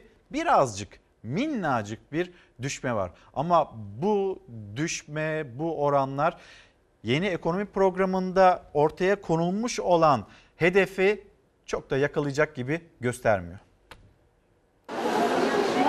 Geniş tanımlı işsiz sayısı 7 milyon 200 bin civarına yaklaşmış durumda. İşsizlik sadece son 4 haftayla ölçülebilir bir durum değil. Bunu esas almamız gerekiyor. Yani 4,5 milyon civarında değil aslında 7 milyonun üzerinde bir işsiz e, sayısı var. Eylül ayı işsizlik rakamları açıklandı. Geçen yılın aynı dönemine göre işsiz oranı 2,4 puan arttı, %13,8'e yükseldi. İşsiz sayısı ise 817 bin kişi artarak 4 milyon 566 bine çıktı. Rakamlar TÜİK'in ancak uzmanına göre TÜİK işsizlikte gerçek rakamları tam olarak yansıtmıyor. Uzmanlara ve sendikalara göre işsiz sayısı 7 milyon 200 bine ulaşmış durumda. Bu e, işsiz sayısı taban 13.8 e, tabandaki en az işsiz sayısını veriyor bize. Yöntemde bir sorun var. Sorun şu, TÜİK son 4 haftada herhangi bir iş arayan ve iş çalışmaya hazır olanları işsiz kabul ediyor. 5 hafta önce iş aramış, 6 hafta önce iş aramış. TÜİK istatistiklerinde işsiz kabul edilmiyorlar. Eylül ayında işsiz sayısı bir önceki aya göre 0,2 puan düşüş gösterse de geçen yılın aynı dönemine bakıldığında işsiz sayısı daha fazla. 15 ila 24 yaş arası yani genç nüfusta işsizlik geçen yılın aynı dönemine göre 4,5 puan arttı. %26,1'e ulaştı. 1 milyon 399 bine yükseldi. İki tane dörtte bir var. Bir, her dört gençten biri işsiz. İki, her dört işsizden birisi üniversite mezunu. Üniversite mezunu işsiz sayısı 1 milyon 250 bine yükselmiş e, durumda. Kayıt dışılıkta da artış var. Bir önceki yılın aynı dönemine göre kayıt dışı çalışanların oranı 2,2 puan arttı, %36'ya çıktı. Kayıt dışılık eğilimi artıyor. Bu doğrudan krizle ilgili bir şey. Kriz dönemlerine baktığımız zaman yaklaşık 2-3 puan civarında bir kayıt dışılıkta artış maalesef söz konusu. Bir önceki yılın Eylül ayında 600 bin kişi ulaşan iş gücü sayısı bu yılın aynı ayında 200 bine düştü. Yani iş bulamamak bir yana mevcut çalışanlar işsiz kaldı. Vahim olan şudur. İş gücüne katılım oranı düşerken işsizlik artıyorsa bu mevcut çalışanların işsiz kalması anlamına gelir. İstihdamın son bir yılda 623 bin kişi azaldığını görüyoruz. Hülya Hanım günaydın. Gerçek şu ki lisede sınıfta kalma var hatırlatmak isteriz siyasetçileri demekte. Ee, bir izleyicimiz sınıfta kalma kuralı Milli Eğitim Bakanlığı'na da uygulansın. Doğru ya yani siyaset sürekli insanların önüne bir karne çıkartıyor. O zaman siyasetin de önüne bir karne koyması gerekmiyor mu? Yani siyasetçiler de kendi karnelerine e, bakması gerekmiyor mu? Onlarla ilgili de bir karne e, verilmeli demekte Selçuk Harput'un gönderdiği mesaj bu şekilde. Ben 12 aydır işsizim, yaşım 50, emeklilikte yaşa takıldım, iş bulamıyorum ve emeklilikte yaşa takılanların e, sorununun bir an önce çözülmesini istiyorum demekte izleyicimiz Kemal Bey bir kez daha söyleyeyim. Gelelim işsizlik mevzuna. İşkur Genel Müdürü Şimdi biz genç işsizlikten bahsediyoruz. %26'lar seviyesinde Cumhuriyet tarihinde e, ölçülmüş bu rakamlar, rekor rakamlar, kötü rakamlar bunlar. Ve İşkur Genel Müdürü de diyor ki hayır iş var ama gençlerimiz iş beğenmiyorlar. Öyle mi değil mi? Sürekli onlara bir fatura kesiliyor. Yani gençler siz iş beğenmiyorsunuz, siz yapmıyorsunuz, siz masa başı iş istiyorsunuz diye. Bence artık o eşik çoktan geçildi. Bakın anneler, babalar emekli olacakları yaşlara geldiler ama olamıyorlar. Neden? Çünkü çocukları iş bulmadı, hayata atılamıyor. Onlar emekli olamıyor, çocukları iş bulamıyor. Acayip bir kısır döngünün içindeyiz. Dönüp baktığımızda işte ben bu kadar alan yarattım, bu kadar istihdam yarattım, böyle broşürler işte dağıtıyorsunuz orada burada ama sizin söyledikleriniz gerçeği ne kadar ifade ediyor? E, bence haksızlık ediyorsunuz gençlere. Gençler iş beğenmiyor diyerek biz şunu gördük biz bu ekranda paylaştık. Bir öğretmenimiz atanamamış meyve hasadında Bursa'da elma hasadındaydı. Günlük yövmiye çalışıyordu. Hiç de öyle masa başı bir işten bahsetmiyor. Tahtanın karşısında, öğrencilerin karşısında değildi ama ekmeğini kazanmak için elinden geleni yapıyor herkes. İş bulabildiği ölçüde. Gelelim işsizliğe. Şimdi Özcan Kadıoğlu hem Almanya ile hem de Tanzanya ile Türkiye'yi ve işsizlik rakamlarını karşılaştırıyor. Diyor ki mesela önce Almanya ile başlayalım. E, işsizlik Almanya'da %3.1, Türkiye'de %13.8. Çalışan sayısı Almanya'da 45 milyon 122 bin, Türkiye'de 28 milyon 440 bin. Hani iki ülkede nüfus olarak birbirine yakın ya böyle bir kıyas ortaya çıkıyor. İşsiz sayısı Almanya'da 2 milyon 204 bin, Türkiye'de 4 milyon 566 bin. Genç işsizlik Almanya'da %5.8, Türkiye'de 26.1. Gelelim diyor ki Özcan Hoca hani böyle e, kötü bir şey olduğunda burası Tanzanya mı dersiniz ya gelin ben sizin önünüze Tanzanya'dan bir işsizlik tablosu koyayım demekte profesör doktor. İşsizgen diyor ki Tanzanya'ya da haksızlık etmeyin. Tanzanya bizden iyi durumda diyor. İşsizlik Tanzanya'da %9.7, Türkiye'de 13.8. Genç işsizlik Tanzanya'da %14.9, Türkiye'de 26.1 dengelenme görüyorsunuz devam ediyor. En kötüsü geride kaldı. Bakın Tanzanya'daki sonuçlar. Erhan Usta'ya gelelim. Erhan Usta'nın da bir uyarısı var. TÜİK'e göre 2019 Eylül ayı işsizlik oranı 13.9. Böylece yılın ilk 9 ayı ortalaması işsizliğin ortalaması 13.8 oldu. Fakat daha 2 ay önce yayınlanan YEP'te hedef 12.9. Böyle olabilmesi için yani bu hedefin tutabilmesi için yıl sonuna kadar işsizliğin 9'un altına inmesi gerekiyor. Sizce bu mümkün mü? Bir siyasetçi soruyor. Sizce bu mümkün mü? Ve gelelim İşkur Genel Müdürü Cafer Uzunkaya'nın açıklaması. Gençlere diyor ki iş var, gençler iş beğenmiyorlar. 2019 yılında 1 milyon 450 bin insanımızı işe yerleştirmesine aracılık yapan bir Türkiye'den ve İşkur'dan bahsediyoruz. Yani rakamı tane tane söylüyorum. Son limitine kadar söylüyorum. İşkur Genel Müdürü mutluydu. 2019'da 1 milyon 450 bin kişinin İşkur aracılığıyla işe yerleştirildiğini söyledi ama işsizlik sayısı giderek artıyor. Türkiye'de en son resmi işsizlik rakamı ise genel müdür tabiriyle tane tane 4 milyon 566 bin kişi. Çalışmak isteyene iş var. Türkiye İş Kurumu Genel Müdürü Cafer Uzunkaya Gaziantep 7. İnsan Kaynakları ve İstihdam Fuarı'na katıldı. Uzunkaya istihdamla ilgili başarı tablosunu anlattı. Uzunkaya'ya göre işsizliğin sorumlusu yine işsizler. Çünkü masa başı iş arıyorlar. Ama ben masa başı istiyorum. Masada oturmak istiyorum diyen kıyamete kadar bekler. Masa başı iş mi arıyorsun? Yok yani normal şey işi nedir? Restoranlarda bulaşık işi yani. Utanmadan evine ekmeğini götürecek veyahut da orada ailesini kimseye muhtaç etmeyecek şekilde bir iş versinler. Masa basını kimse istemiyor. Elbette ki bardağın bir boş bir de dolu tarafı var. Nereden baktığımıza bağlı. Bir tarafta işe yerleştirilenlerin sayısı, diğer tarafta ise işsizlik rakamları ve iş arayanlar her gün işsizlikle karşı karşıya kalıyorlar. Ta ki iş bulana kadar, ta ki umudunu yitirene kadar. Tam 4 senedir işsizim. Bir buçuk senedir falan maaş yok, bir şey yok, hiçbir şey yok. İş bulamıyorsunuz. İşsizlik kadar kötüsü umutsuzluk ve o tabloyu tersine çevirecek rakamlar gelmiyor. TÜİK rakamlarına göre iş bulamayanlar bir yana mevcut işini kaybedenlerin de sayısı artıyor. Bir yerden kısıtıp öteki tarafa ittiriyorsun. Öteki tarafa. Nereden kısıyorsunuz mesela? Hani söylemesi ayıptır. Kimsenin e, şey değil ama e, yeme içmeden olsun şeyden olsun her taraftan kısıtlıyorsun. 4 yıldır işsizim diyor ve her geçen gün ay, ay aylardır arıyor, iş arıyor ve iş bulamadığını söylüyor. Peki kim doğru söylüyor? Bir tarafta iş arayanlar, bulamayanlar ve sayıları günden güne artıyor. Diğer tarafta iş var ama biz gençlerimize, insanlarımıza iş beğendiremiyoruz açıklamaları. Galiba bu bahaneler, bu bahanelerin arkasına saklanma artık ucuzladı. Söylenmese mi artık bunlardan vaz mı geçilse bir de biz kendi ülkemizin gençlerini yetiştirdiğimiz gençleri eğer istihdam edemeyeceksek tamam herkesi devlette istihdam etmek mümkün değil ama bir iş kolu bir iş alanı yaratamayacaksak ne anlamı kalıyor? İşte Almanya, Almanya'da aşağı yukarı nüfuslarımız aynı.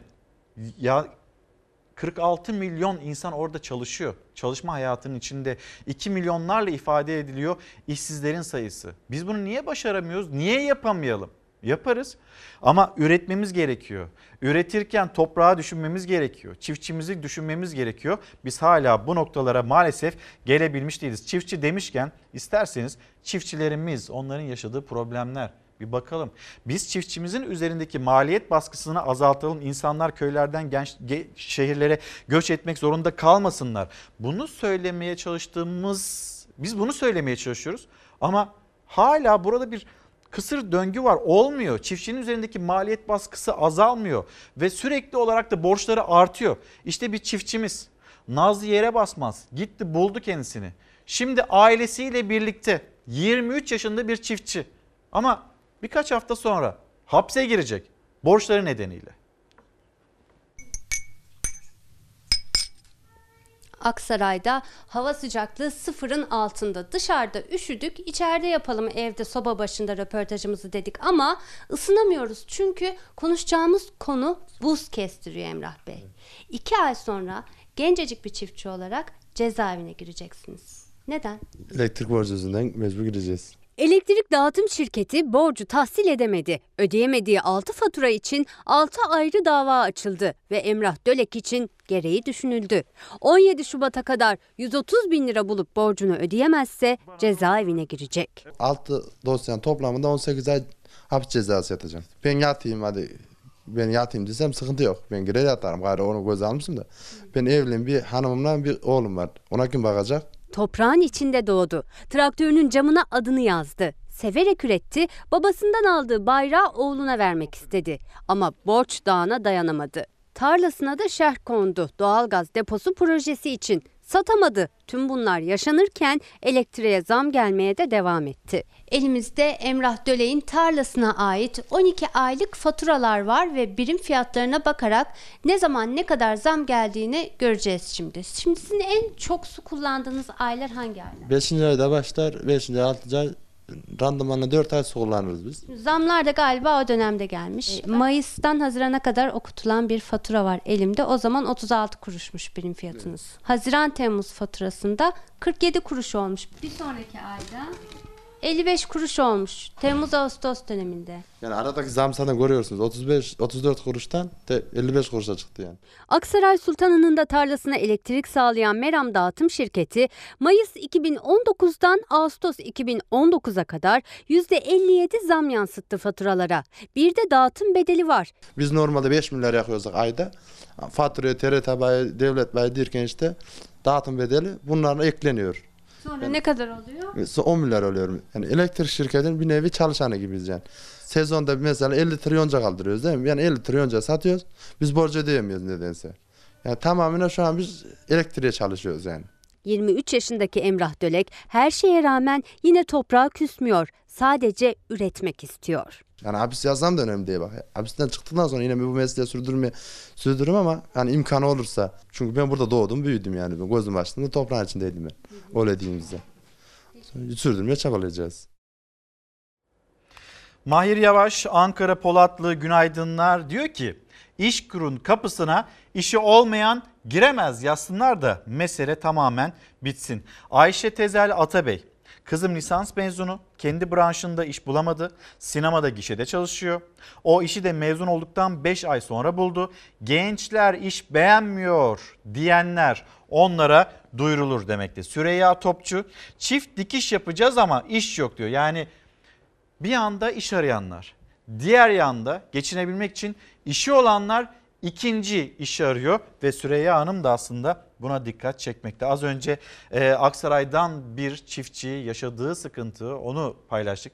Bir de sizi Kayseri'ye götürelim. Kayseri'de en çok övünülen şey nedir? Mesela e, Tarım Bakanı ya da Cumhurbaşkanı Erdoğan cümlelerine baktığımızda tarımda bir aksaklık, bir sıkıntı, bir problem varsa hep traktör e, sayılarına bakılırdı ya da traktör satışlarına. Şimdi biz de bir traktör satışını getireceğiz ekranlarınıza ama e, e, gelir kazanç sonrası bir traktör alımı değil bu. Eldeki traktörün kaybedilmesi. Traktör sizin? Şu benimki. Normalde tarlada olması lazım. Niye burada? Borçtan dolayı. Evime bir haciz geldi evime. Bu traktör bağlı olduğu zaman iş göremezsem borcu ne ödeyeceğim ben? Her şeye haciz geldi.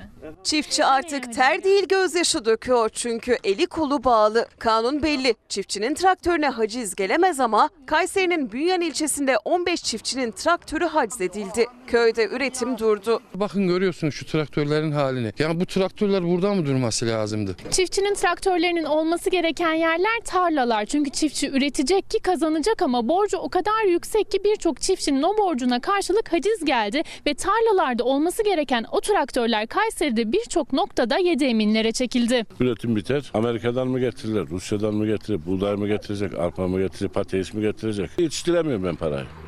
Mazot, elektrik, gübre. Çiftçi borçlu çünkü gün geçtikçe maliyetleri arttı. Ürünün değeri ise azaldı. Buğday, arpa, bakliyat üretimi yapan Kayseri'de de üretici maliyetlere yetişemedi. Maliyetlerimiz 3 yılın içinde %400'den aşağı hiçbir maliyetimiz yok. Sattığımız ürünün %40'tan fazla hiçbir ürünümüzde artış olmadı. Aradaki fark borç olduğu gibi 3 yıldır 4 yıldır üst üste gelen kuraklık da zaten bizi hep eksiye e, götürdü. Borçlanan çiftçi mecburen tarım kredi kooperatiflerinden borç aldı. Ancak o borcun faizi gün geçtikçe katlandı. Tarım krediler bu sene %38 faiz uygulamış. 71 lira borca mukabil ben 20 bin lira götürdüm yatırdım.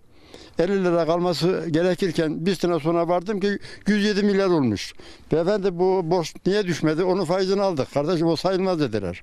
E şimdi hesabına baktırdım 200 küsür milyar. Yani bu nasıl bir destekleme sistemi? Nasıl bir sistem? Bizim aklımız yetmiyor.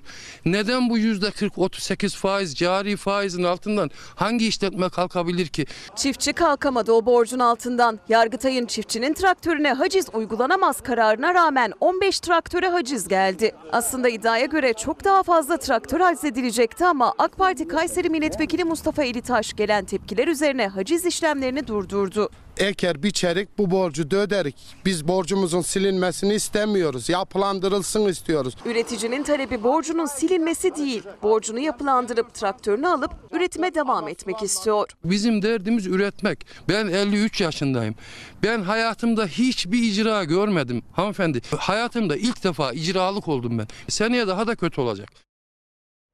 Yetkililer ne kadar farkında bilmiyorum ama çiftçimiz oh be diye derin nefes almıyor. Ağlamamak için derin nefes çekiyor. Bir mola verelim burada buluşalım.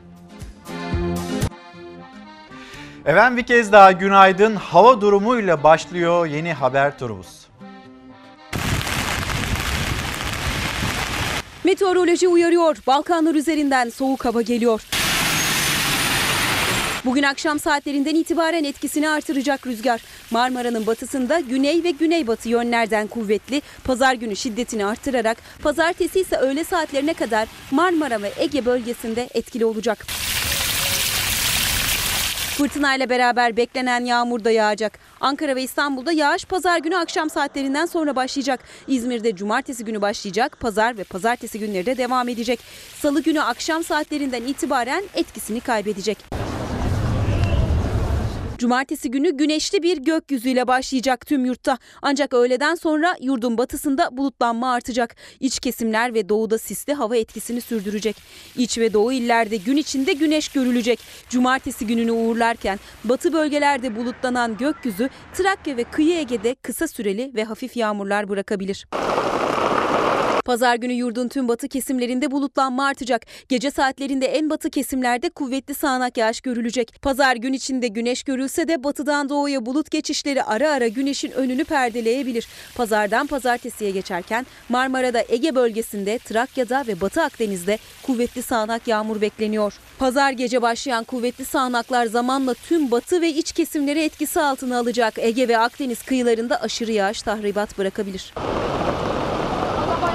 Sıcaklıklarsa hafta sonunda birer ikişer düşecek. Ancak asıl sıcaklık düşüşü pazar ve pazartesi günlerinde yaşanacak. Önümüzdeki haftaya başlarken termometre değerleri keskin bir düşüş yaşayacak. Haftaya hava çok daha soğuk olacak. Asgari ücreti konuşacağız ama Bekir Bey'in Twitter'dan gönderdiği bir mesaj var. Önemli bir hatırlatmada bulunuyor. Bekir Derman, asgari ücretli 5 kişilik bir ailenin hesabını Diyanet İşleri Başkanlığı'nca açıklanmış olan 2019 yılı fitre miktarı üzerinden 23 lira üzerinden yapmış. 5 çarpı 23 eşittir 115 lira çarpı 30 3450 lira olması gerekiyor. 5 kişilik bir ailenin aylık geçim asgari geçim miktarı fiyatı e, ya da ücreti budur demekte. Gelelim sendikalar hangi e, kırmızı çizgiyi çektiler? Bu asgari ücret masasında Türk İş, Hak İş ve Disk ortak bir ses yükseltiyorlar. 2578 liradan asgarisi olmaz daha altında hiçbir teklifle bize gelmeyin denilmekte sendikalarca. Cumhurbaşkanı Erdoğan'ın da bakalım ortaya bir rakamlar çıksın biz de jestimizi yaparız demişti. Ama sendikalar, işçiler biz jest değil hakkımızı istiyoruz diyorlar. 2578'in üzerindeki rakamı değerlendirmeye alırız. Bunun altındaki bir rakamı biz değerlendirmeye bile almayacağız. Geldikleri noktayı görelim. İnşallah jestimizi yaparız. Memnun edecek adımı atarız. 2020 yılı için asgari ücretin belirleneceği son komisyon toplantısı öncesi Türk İş, Disk ve Hak İş 2578 lirada uzlaştı. Cumhurbaşkanı Erdoğan ise rakam belirtmedi ama jestimizi yaparız diyerek asgari ücret rakamında son sözü söyleyeceğinin işaretini verdi. Her zaman olduğu gibi yine işçiden fedakarlık beklenmesini istiyoruz. İnsanların çaresizliği ve maruz kaldığı işsizlik asgari ücreti düşük belirlemenin gerekçesi yapılmamalıdır. TÜİK hafta başında bir işçinin geçim maliyetini 2331 lira olarak açıklamıştı. Bu asgari ücrete %15'lik zam anlamına geliyor ama oran işçiyi memnun etmedi. Resmi enflasyon ile halkın enflasyonu arasındaki fark giderek açılmıştır. Hissedilen ve yaşanılan enflasyon daha da yüksektir. Türk İş, Hak İş ve Disk ilk kez asgari ücret görüşmelerinde ortak tavır belirlemek için karar almıştı ve bir kez daha bir araya geldiler. Asgari Ücret Tespit Komisyonu'nun son toplantısı öncesi mutabık kaldıkları rakamı açıkladılar. 3 konfederasyon olarak 2578 alt sınırında anlaşmış bulunuyoruz. Yani 2578 lira ve üstü bir rakamı kabul ediyor konfederasyonlar ama Disk asgari ücret en az 3200 lira olmalı demişti. Konfederasyon geri adım söz konusu değil açıklaması yaptı. Her üç konfederasyonda asgari ücretin vergi dışı bırakılması, AGI dışında hesaplanması, bizim mutabakat olduğumuz bunlardır. Hesapladığımız 3200 lira konusunda bir problemimiz yok bizim. Maalesef gelişmeler asgari ücret konusunda iyimser olmamızı mümkün kılamıyor. Şu anda zaten ekonomideki gelişmeleri gayet emin, gayet güzel bir şekilde takip ediyoruz. Elhamdülillah sıkıntılar büyük oranda aşılmış vaziyette. İnşallah jestimizi yaparız. Cumhurbaşkanı ekonomide sıkıntıları aştık diyerek asgari ücret konusunda jest yapacağını söyleyerek girdi tartışmaya. Önümüzdeki hafta yapılacak son toplantı öncesi Çalışma Bakanlığı belirlediği rakamı Erdoğan'a sunacak. Belli ki Cumhurbaşkanı Erdoğan da son sözü söyleyecek.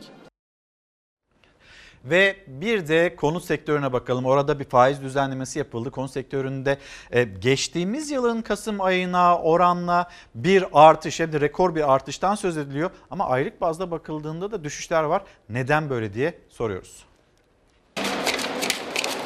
Konut sektörü için Kasım ayı geçen yıla oranla rekor ayı oldu. 138.372 konut satışıyla %54.4'lük bir artış gerçekleşti. Yıllık bazda yaşanan olumlu tablo umut verirken aylık bazda son 2 aydır düşüş var. Faizlerle başa çıkmak veyahut da süresi içerisinde ödemek çok zor. Ekonominin lokomotif sektörlerinden inşaat sektörü eski günlerini ararken Merkez Bankası'nın son 5 ayda 12 puanlık faiz indirimi, devlet bankalarının da faizleri birin altına çekmesi, KDV indirimleri konut sektörüne can suyu oldu. Tüm zamanların en yüksek Kasım ayı satışı gerçekleşti. Önümü göremediğimiz için giremeyiz. Banka kredisiyle satışlar geçen yıla göre Ağustos'ta %168, Eylül'de %410, Ekim'de %525, Kasım'da ise %725 arttı. 11 ayda satılan konut sayısı 1 milyon 146 bin 655 oldu. Bu yıl tüm zorluklara rağmen konut satışında 1 milyon 250 bin rakamının aşılacağı belirtiliyor.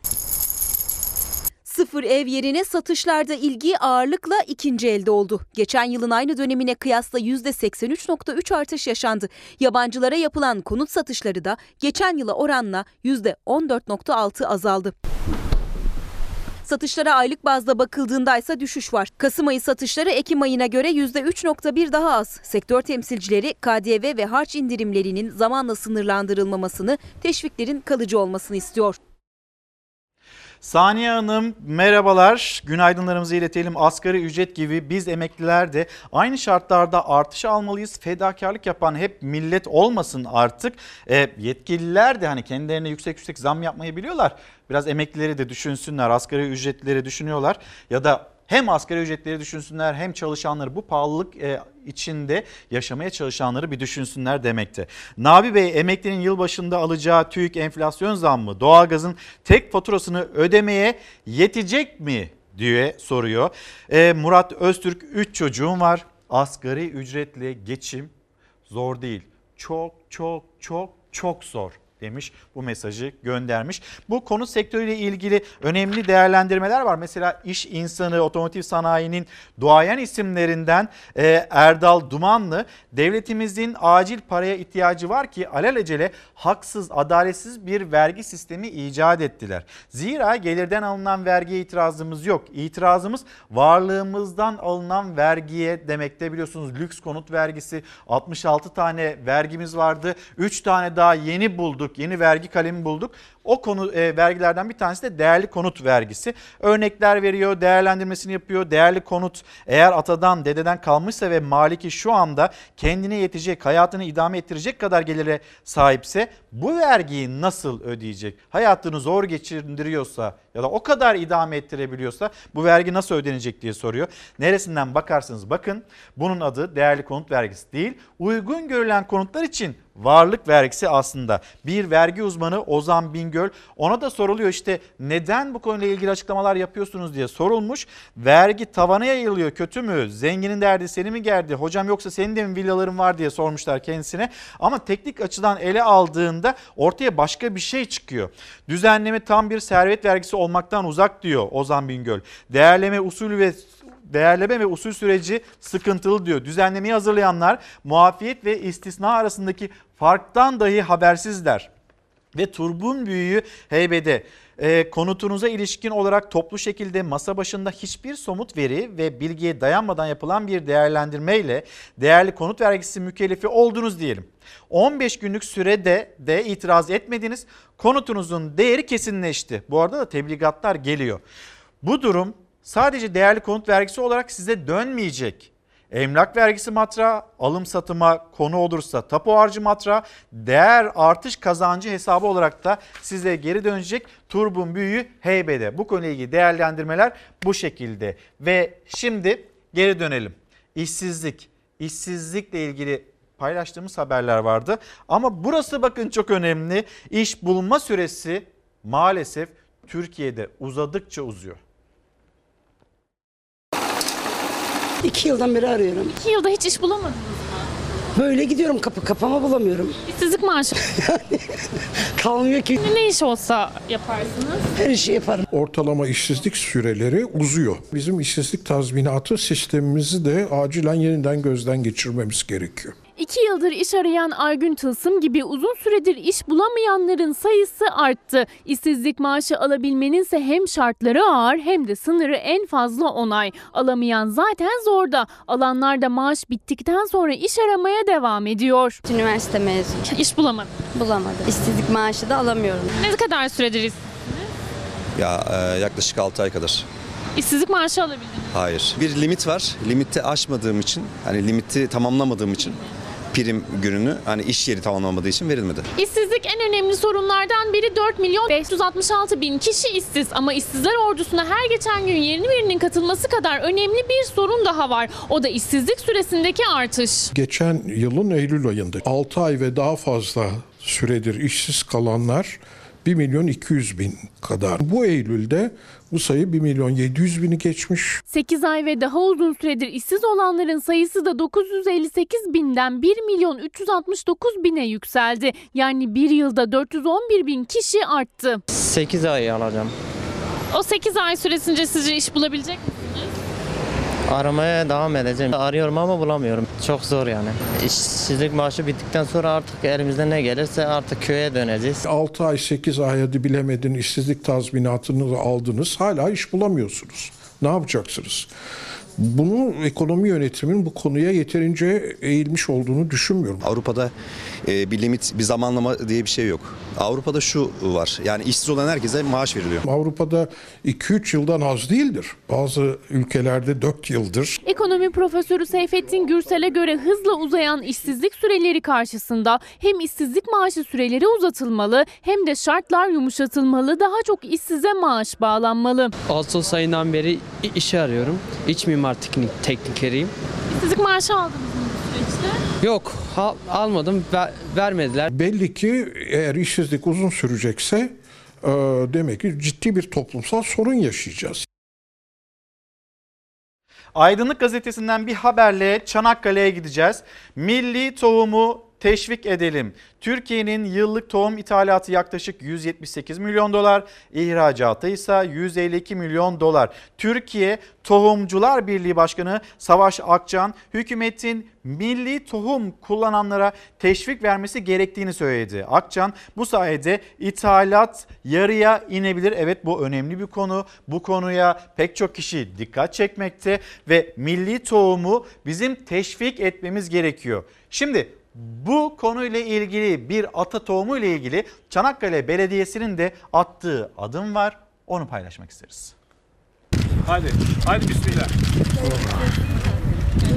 Ekimine son verilen, adı bile unutulan kara kılçık çeşidi buğdayın yerli tohumu yeniden toprakla buluştu. Atalık tohumları yaşatmak için uzun süredir çalışıyordu Çanakkale Belediyesi. Bin yıllık miras olan kara kılçık buğdayı da onlardan biriydi. Şu an tırmık çekiyoruz. Bayanlarımız tohumları attı. Biz de şu an tırmığımızı çekiyoruz. Türkiye'de geçmiş dönemlerde ekimine son verilen ve neredeyse unutulan kara kılçık çeşidi yerli buğday tohumu Çanakkale Belediyesi'ne ait 4 ayrı parselde toplam 107 dekar araziye kara kılçık buğday tohumu ekildi. Kara kılçık çeşidi buğday tohumu diğer buğday çeşitlerine göre esmer ve daha sert. Besin öğeleri en fazla olan. Gluten oranı çok düşük. Demir, lif ve protein oranı da oldukça yüksek. Sindirim sistemine yararlı bir atalık buğday çeşidi. Efendim yarın derbi var. Fenerbahçe, Beşiktaş onlar karşı karşıya gelecek. Yine işte hayat duracak. Ee, bu karşılaşmanın öncesi, maç sırası, sonrası konuşulacak, konuşulacak, konuşulacak. Türkiye'de sanki tek bir spor varmış gibi biz yine bütün yoğunluğumuzu futbola vereceğiz. Ondan sonra basketbol geliyor. Sonrasında e, diğer branşlar geliyor. Ama bu ülkede çok başarılı gençler var, çok başarılı sporcular var ve onlar destek bekliyor, teşvik bekliyor, sponsor arıyor ve başaramıyorlar. Peki rekor kırmaktan mesela dünya rekoru kırmaktan vazgeçiyorlar mı? O isimlerden bir tanesi Derya Can. Derya Can 10 tane dünya rekorunun sahibi. Peki bu rekorları nasıl kırıyor? Sponsor destekleriyle mi?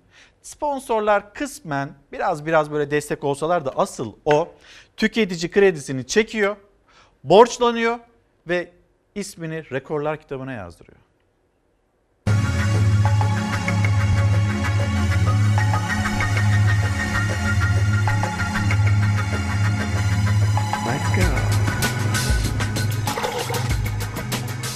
Dünya rekorlarını kırmak için maalesef ki belli bir bütçeye ihtiyacınız var.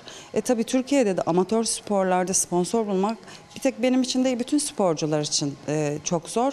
Kredi alarak başladı, dünya rekoruna bile ulaştı. Atletizmden serbest dalışa Derya Can rakiplerini de yendi, imkansızlıkları da. Atletizmle başladım bu işe. İşte tekvanla yaptım çok e, Türkiye'de dereceler elde ettim. Daha sonra serbest dalışa başladım. Zaten spor altyapım olduğu için e, serbest dalışta hemen rekor yani Türkiye rekoru kırabilecek seviyeye geldim.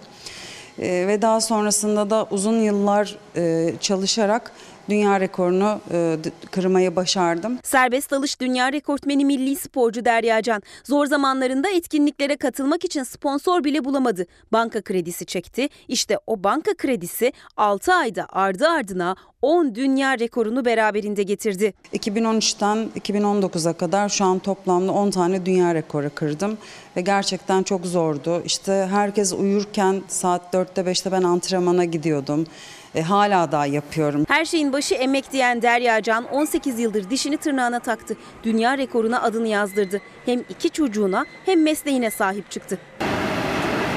Çek. iki çocuğum var onlarla uğraşıyorum.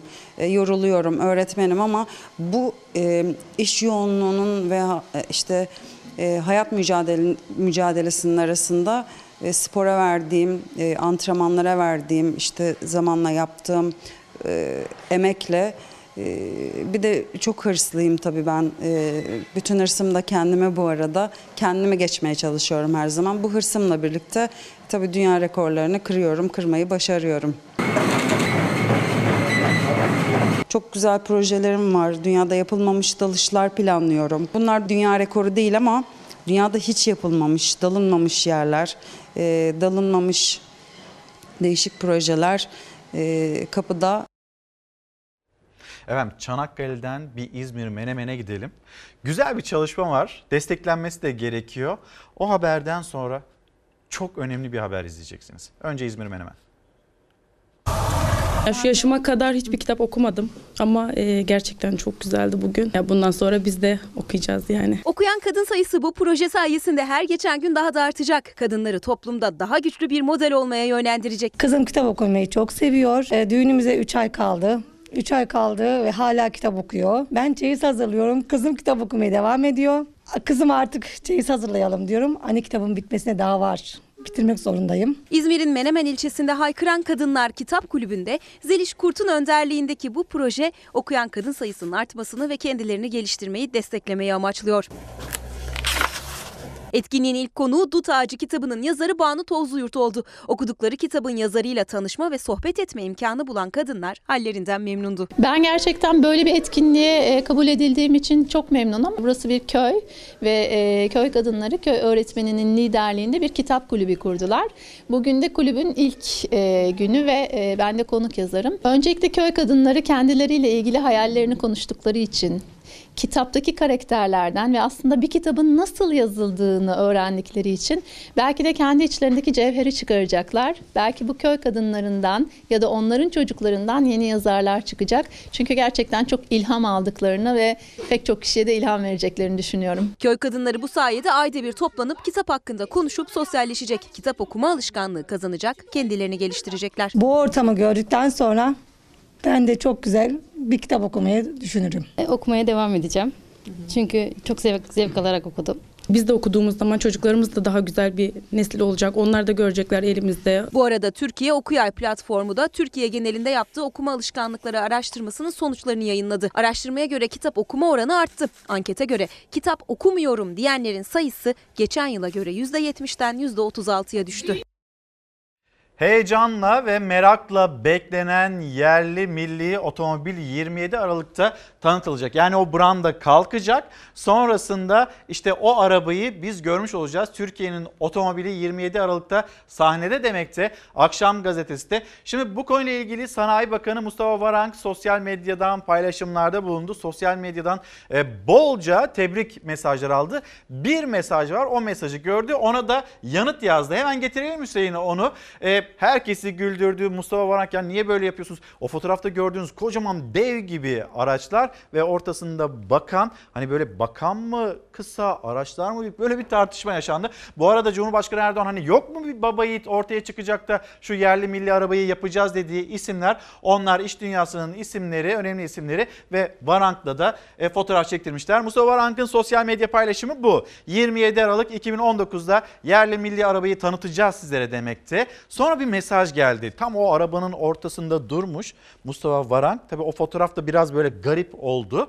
Ee, umarım Mustafa Varank'ın boyu kısadır diye bir paylaşım kendisini de etiketlemişler. Mustafa Varank da boyum zaten kısa da yani böyle temenni olur mu deyip bir e, üzüntü mesajını yine karşılık olarak vermiş kendisine. Önemli bir gün olacak 27 Aralık'ta biz öğreneceğiz bakalım hani o araba ortaya çıkacak. Çok konuşuldu o fotoğrafa baktılar böyle dikiz aynısı var mı yok mu? O fotoğrafta bir şeyler aradılar. Önemli olan o fotoğraf fotoğrafın artık gerçeğe ete kemiğe bürünmüş olması ve bir e, seri üretiminin de başlaması artık bir hayal ya da bir prototip olmaktan çıkması. Göreceğiz 27 Aralık'ta.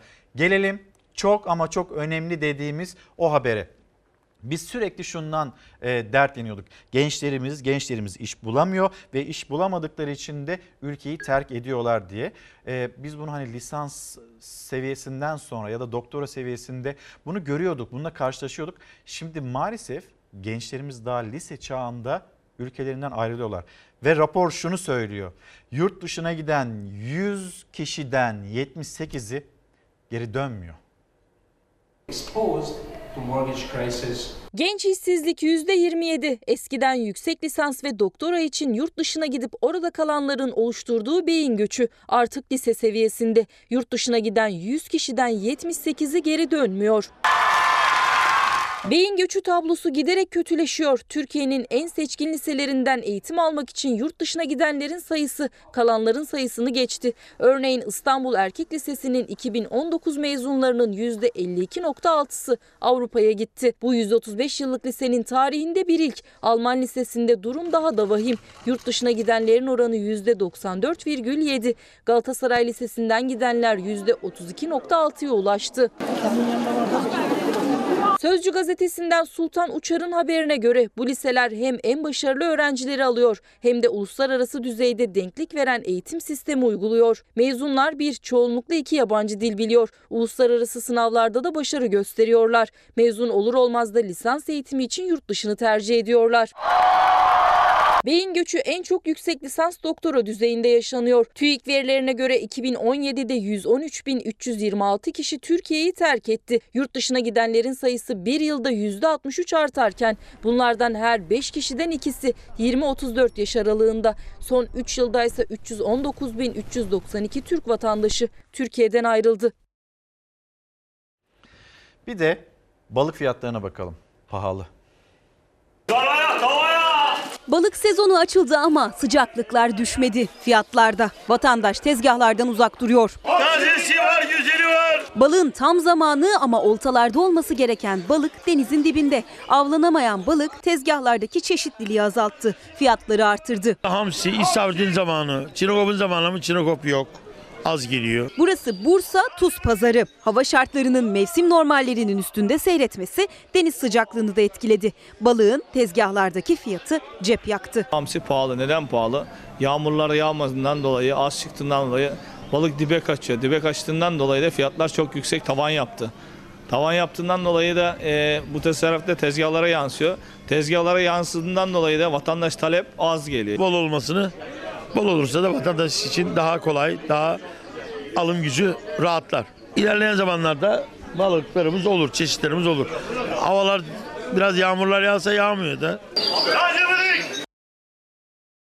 Efendim şimdi sizi genç yeteneklerle tanıştıracağız. O genç yeteneklerden bir tanesi Efe. Efe için ve ailesi için de çok özel, çok anlamlı bir gece oldu.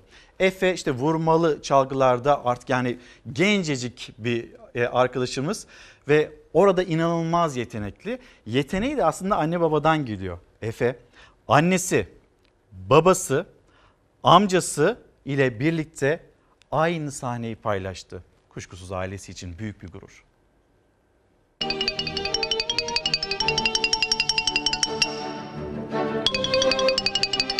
Vurma sazlara olan ilgim ben çok küçük yaşlardayken başladı. Ailede müzisyen olunca bir de amcam, e, sonra babam, annem. Bunların hepsinin başı aslında dedem. Ben kendimi en rahat müzik yaparak, keman çalarak ifade edebildiğimi düşünüyorum. Bu yüzden kendimi çok rahat hissediyorum sahnedeyken. Henüz onlu yaşlardalar ama sahnedeyken de birleşiyorlar. Türkiye'nin genç yıldızları onlar. Gençlik konserinde sahne aldılar. Performanslarıyla büyülediler. 12 yaşındayım. Bilkent Konservatuar Vurma Sazlar bölümünde okuyorum. Adeta müzikle doğmuş Efe Sağroğulları. Annesi babası müzisyen öğretim görevlisi. Efe de anne ve babasının Kuzey Kıbrıs'tan Ankara'ya konservatuara geldiği yaşta bugün. Ve ilk kez onlarla aynı sahnedeydi. O silifon solisti olarak sahnenin en önünde yeteneklerini sergilerken anne ve babası da yan flüt ve kemanla ona eşlik etti. İnsanlar şeyi düşünüyor, vurmalı sazlar deyince bateri, davul falan gibi ama aslında tamamen çok farklı silafon ve de ayrı bir saz oluyor vurma sazlar. Konseri tamamen e, ülkemizin gelecekteki yıldızlarına, gençlerine ayırdık. İyi bir solist olmak istiyorum ama bu o kadar da kolay bir şey değil. Elimden geldiğince en iyisini yapmaya çalışacağım. Efe, İlke ve diğerleri yetenekleriyle çalışkanlıklarını birleştiren genç müzisyenlerin hayalleri büyük. Müziğe olan sevgileri de. Hayallerim Almanya'ya gidip hani orada eğitimime devam etmek, iyi bir vurmalı sazcı olmak.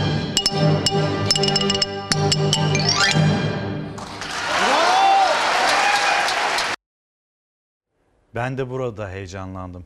Hem Efe'nin hem de oradaki diğer arkadaşlarının, genç e, yeteneklerin, genç yetenekli müzisyenlerimizin yolları açık olsun. Bir kez daha söyleyelim kuşkusuz ailesi için e, çok büyük bir gurur, harika bir konser. Şimdi hadi sizi bir Tunceli'ye, Munzur'a götürelim. Çok inanılmaz keyifli bir aktivite zipline aktivitesi. İlk önce insanlar korkarak yapıyor. Ondan sonra beklentiler değişiyor. Daha uzun olsaydı, daha yüksek olsaydı gibi. Munzur'un deli dolu akan suyu üzerinde heyecanı doruklarda yaşıyorlar. Vadide kurulan zipline sistemi adrenalin sevenlere kucak açıyor. Görseli en güzel olan zipline tesislerinden biri e, Munzur Vadisi'ndeki. Tabii ki bu bir hayaldi. E, uzun yıllardır yapmak istediğimiz bir çalışmaydı. Yıllarca terör tehdidiyle anılan Tunceli'nin Munzur Vadisi'nde artık huzur, güven ve meraklısına bol bol heyecan var. Munzur Vadisi Milli Parkı'ndaki Ana Fatma mevkisinde Vali Tuncay Sonel'in girişimiyle kurulan zipline tesisi turistlerin ilgi odağı haline geldi. Özellikle bu bölgede tur şirketlerine hizmet veriyoruz. E, Diyarbakır'dan, Mardin'den, Batman'dan, e, Ankara'dan, İstanbul'dan, İzmir'den hatta daha e, önemlisi Avrupa'dan ciddi anlamda bir turist akını söz konusu oldu bu dönem içerisinde. Rafting ve zipline ilimizin doğa sporları noktasında tam bir markası haline geldi. 125 metre uzunluğundaki zipline hattı Munzur'un eşsiz doğasını da turistlerin ayakları altına seriyor. Yapma kule olarak 12 metre yükseklikte, uzunluk olarak da 165 metre gidiş ve 165 metre dönüş olarak yapıldı. Tertemiz bir nehir var, yemyeşil bir vadi var. İlimize önemli bir yatırım oldu. Çok fazla insan ilimizi ziyaret etti ve yapılacak aktiviteler içerisine zipline'ı da eklemiş olduk.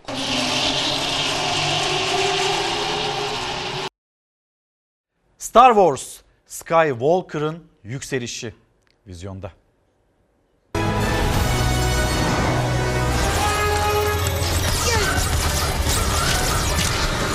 Efsane film serisi sona eriyor. Star Wars destanının son filmi Skywalker'ın yükselişi beyaz perdedeki yerini aldı. Londra'da gerçekleşen Avrupa premieri filmin yüzlerce hayranıyla oyuncularını bir araya getirdi.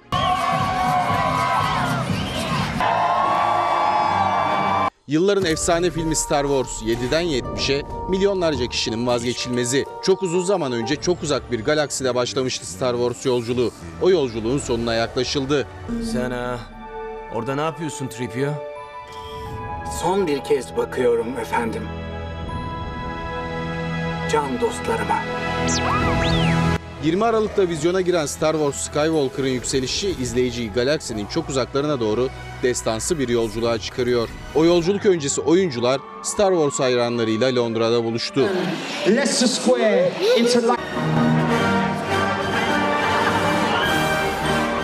Dünyanın dört bir yanından gelen izleyiciler filmi oyuncularıyla birlikte izledi. Star Wars'un son filmi hem Londra'da hem de Türkiye'deki ilk gösteriminde izleyicilerden tam not aldı.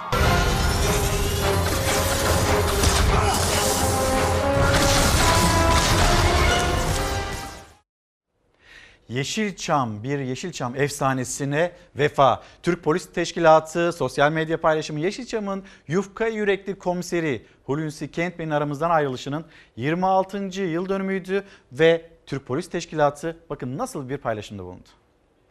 İşimizi gücümüzü bırakıp sizinle mi uğraşacağız oğlum? Uğraşmayın Bosmer'im. Ne diye kazıyordunuz Beyoğlu'nun göbeğini? Boyunuz bosunuz devrilsin. Hiç mi utanmadınız? Ha, hele sen. Ayıp değil mi? Bir de yeni evliyim diyordun. Bana bakın. Bu son. Bir daha karşıma çıkarsanız gözünüzün yaşına bakmam tıkarım içeri. Hadi defolun.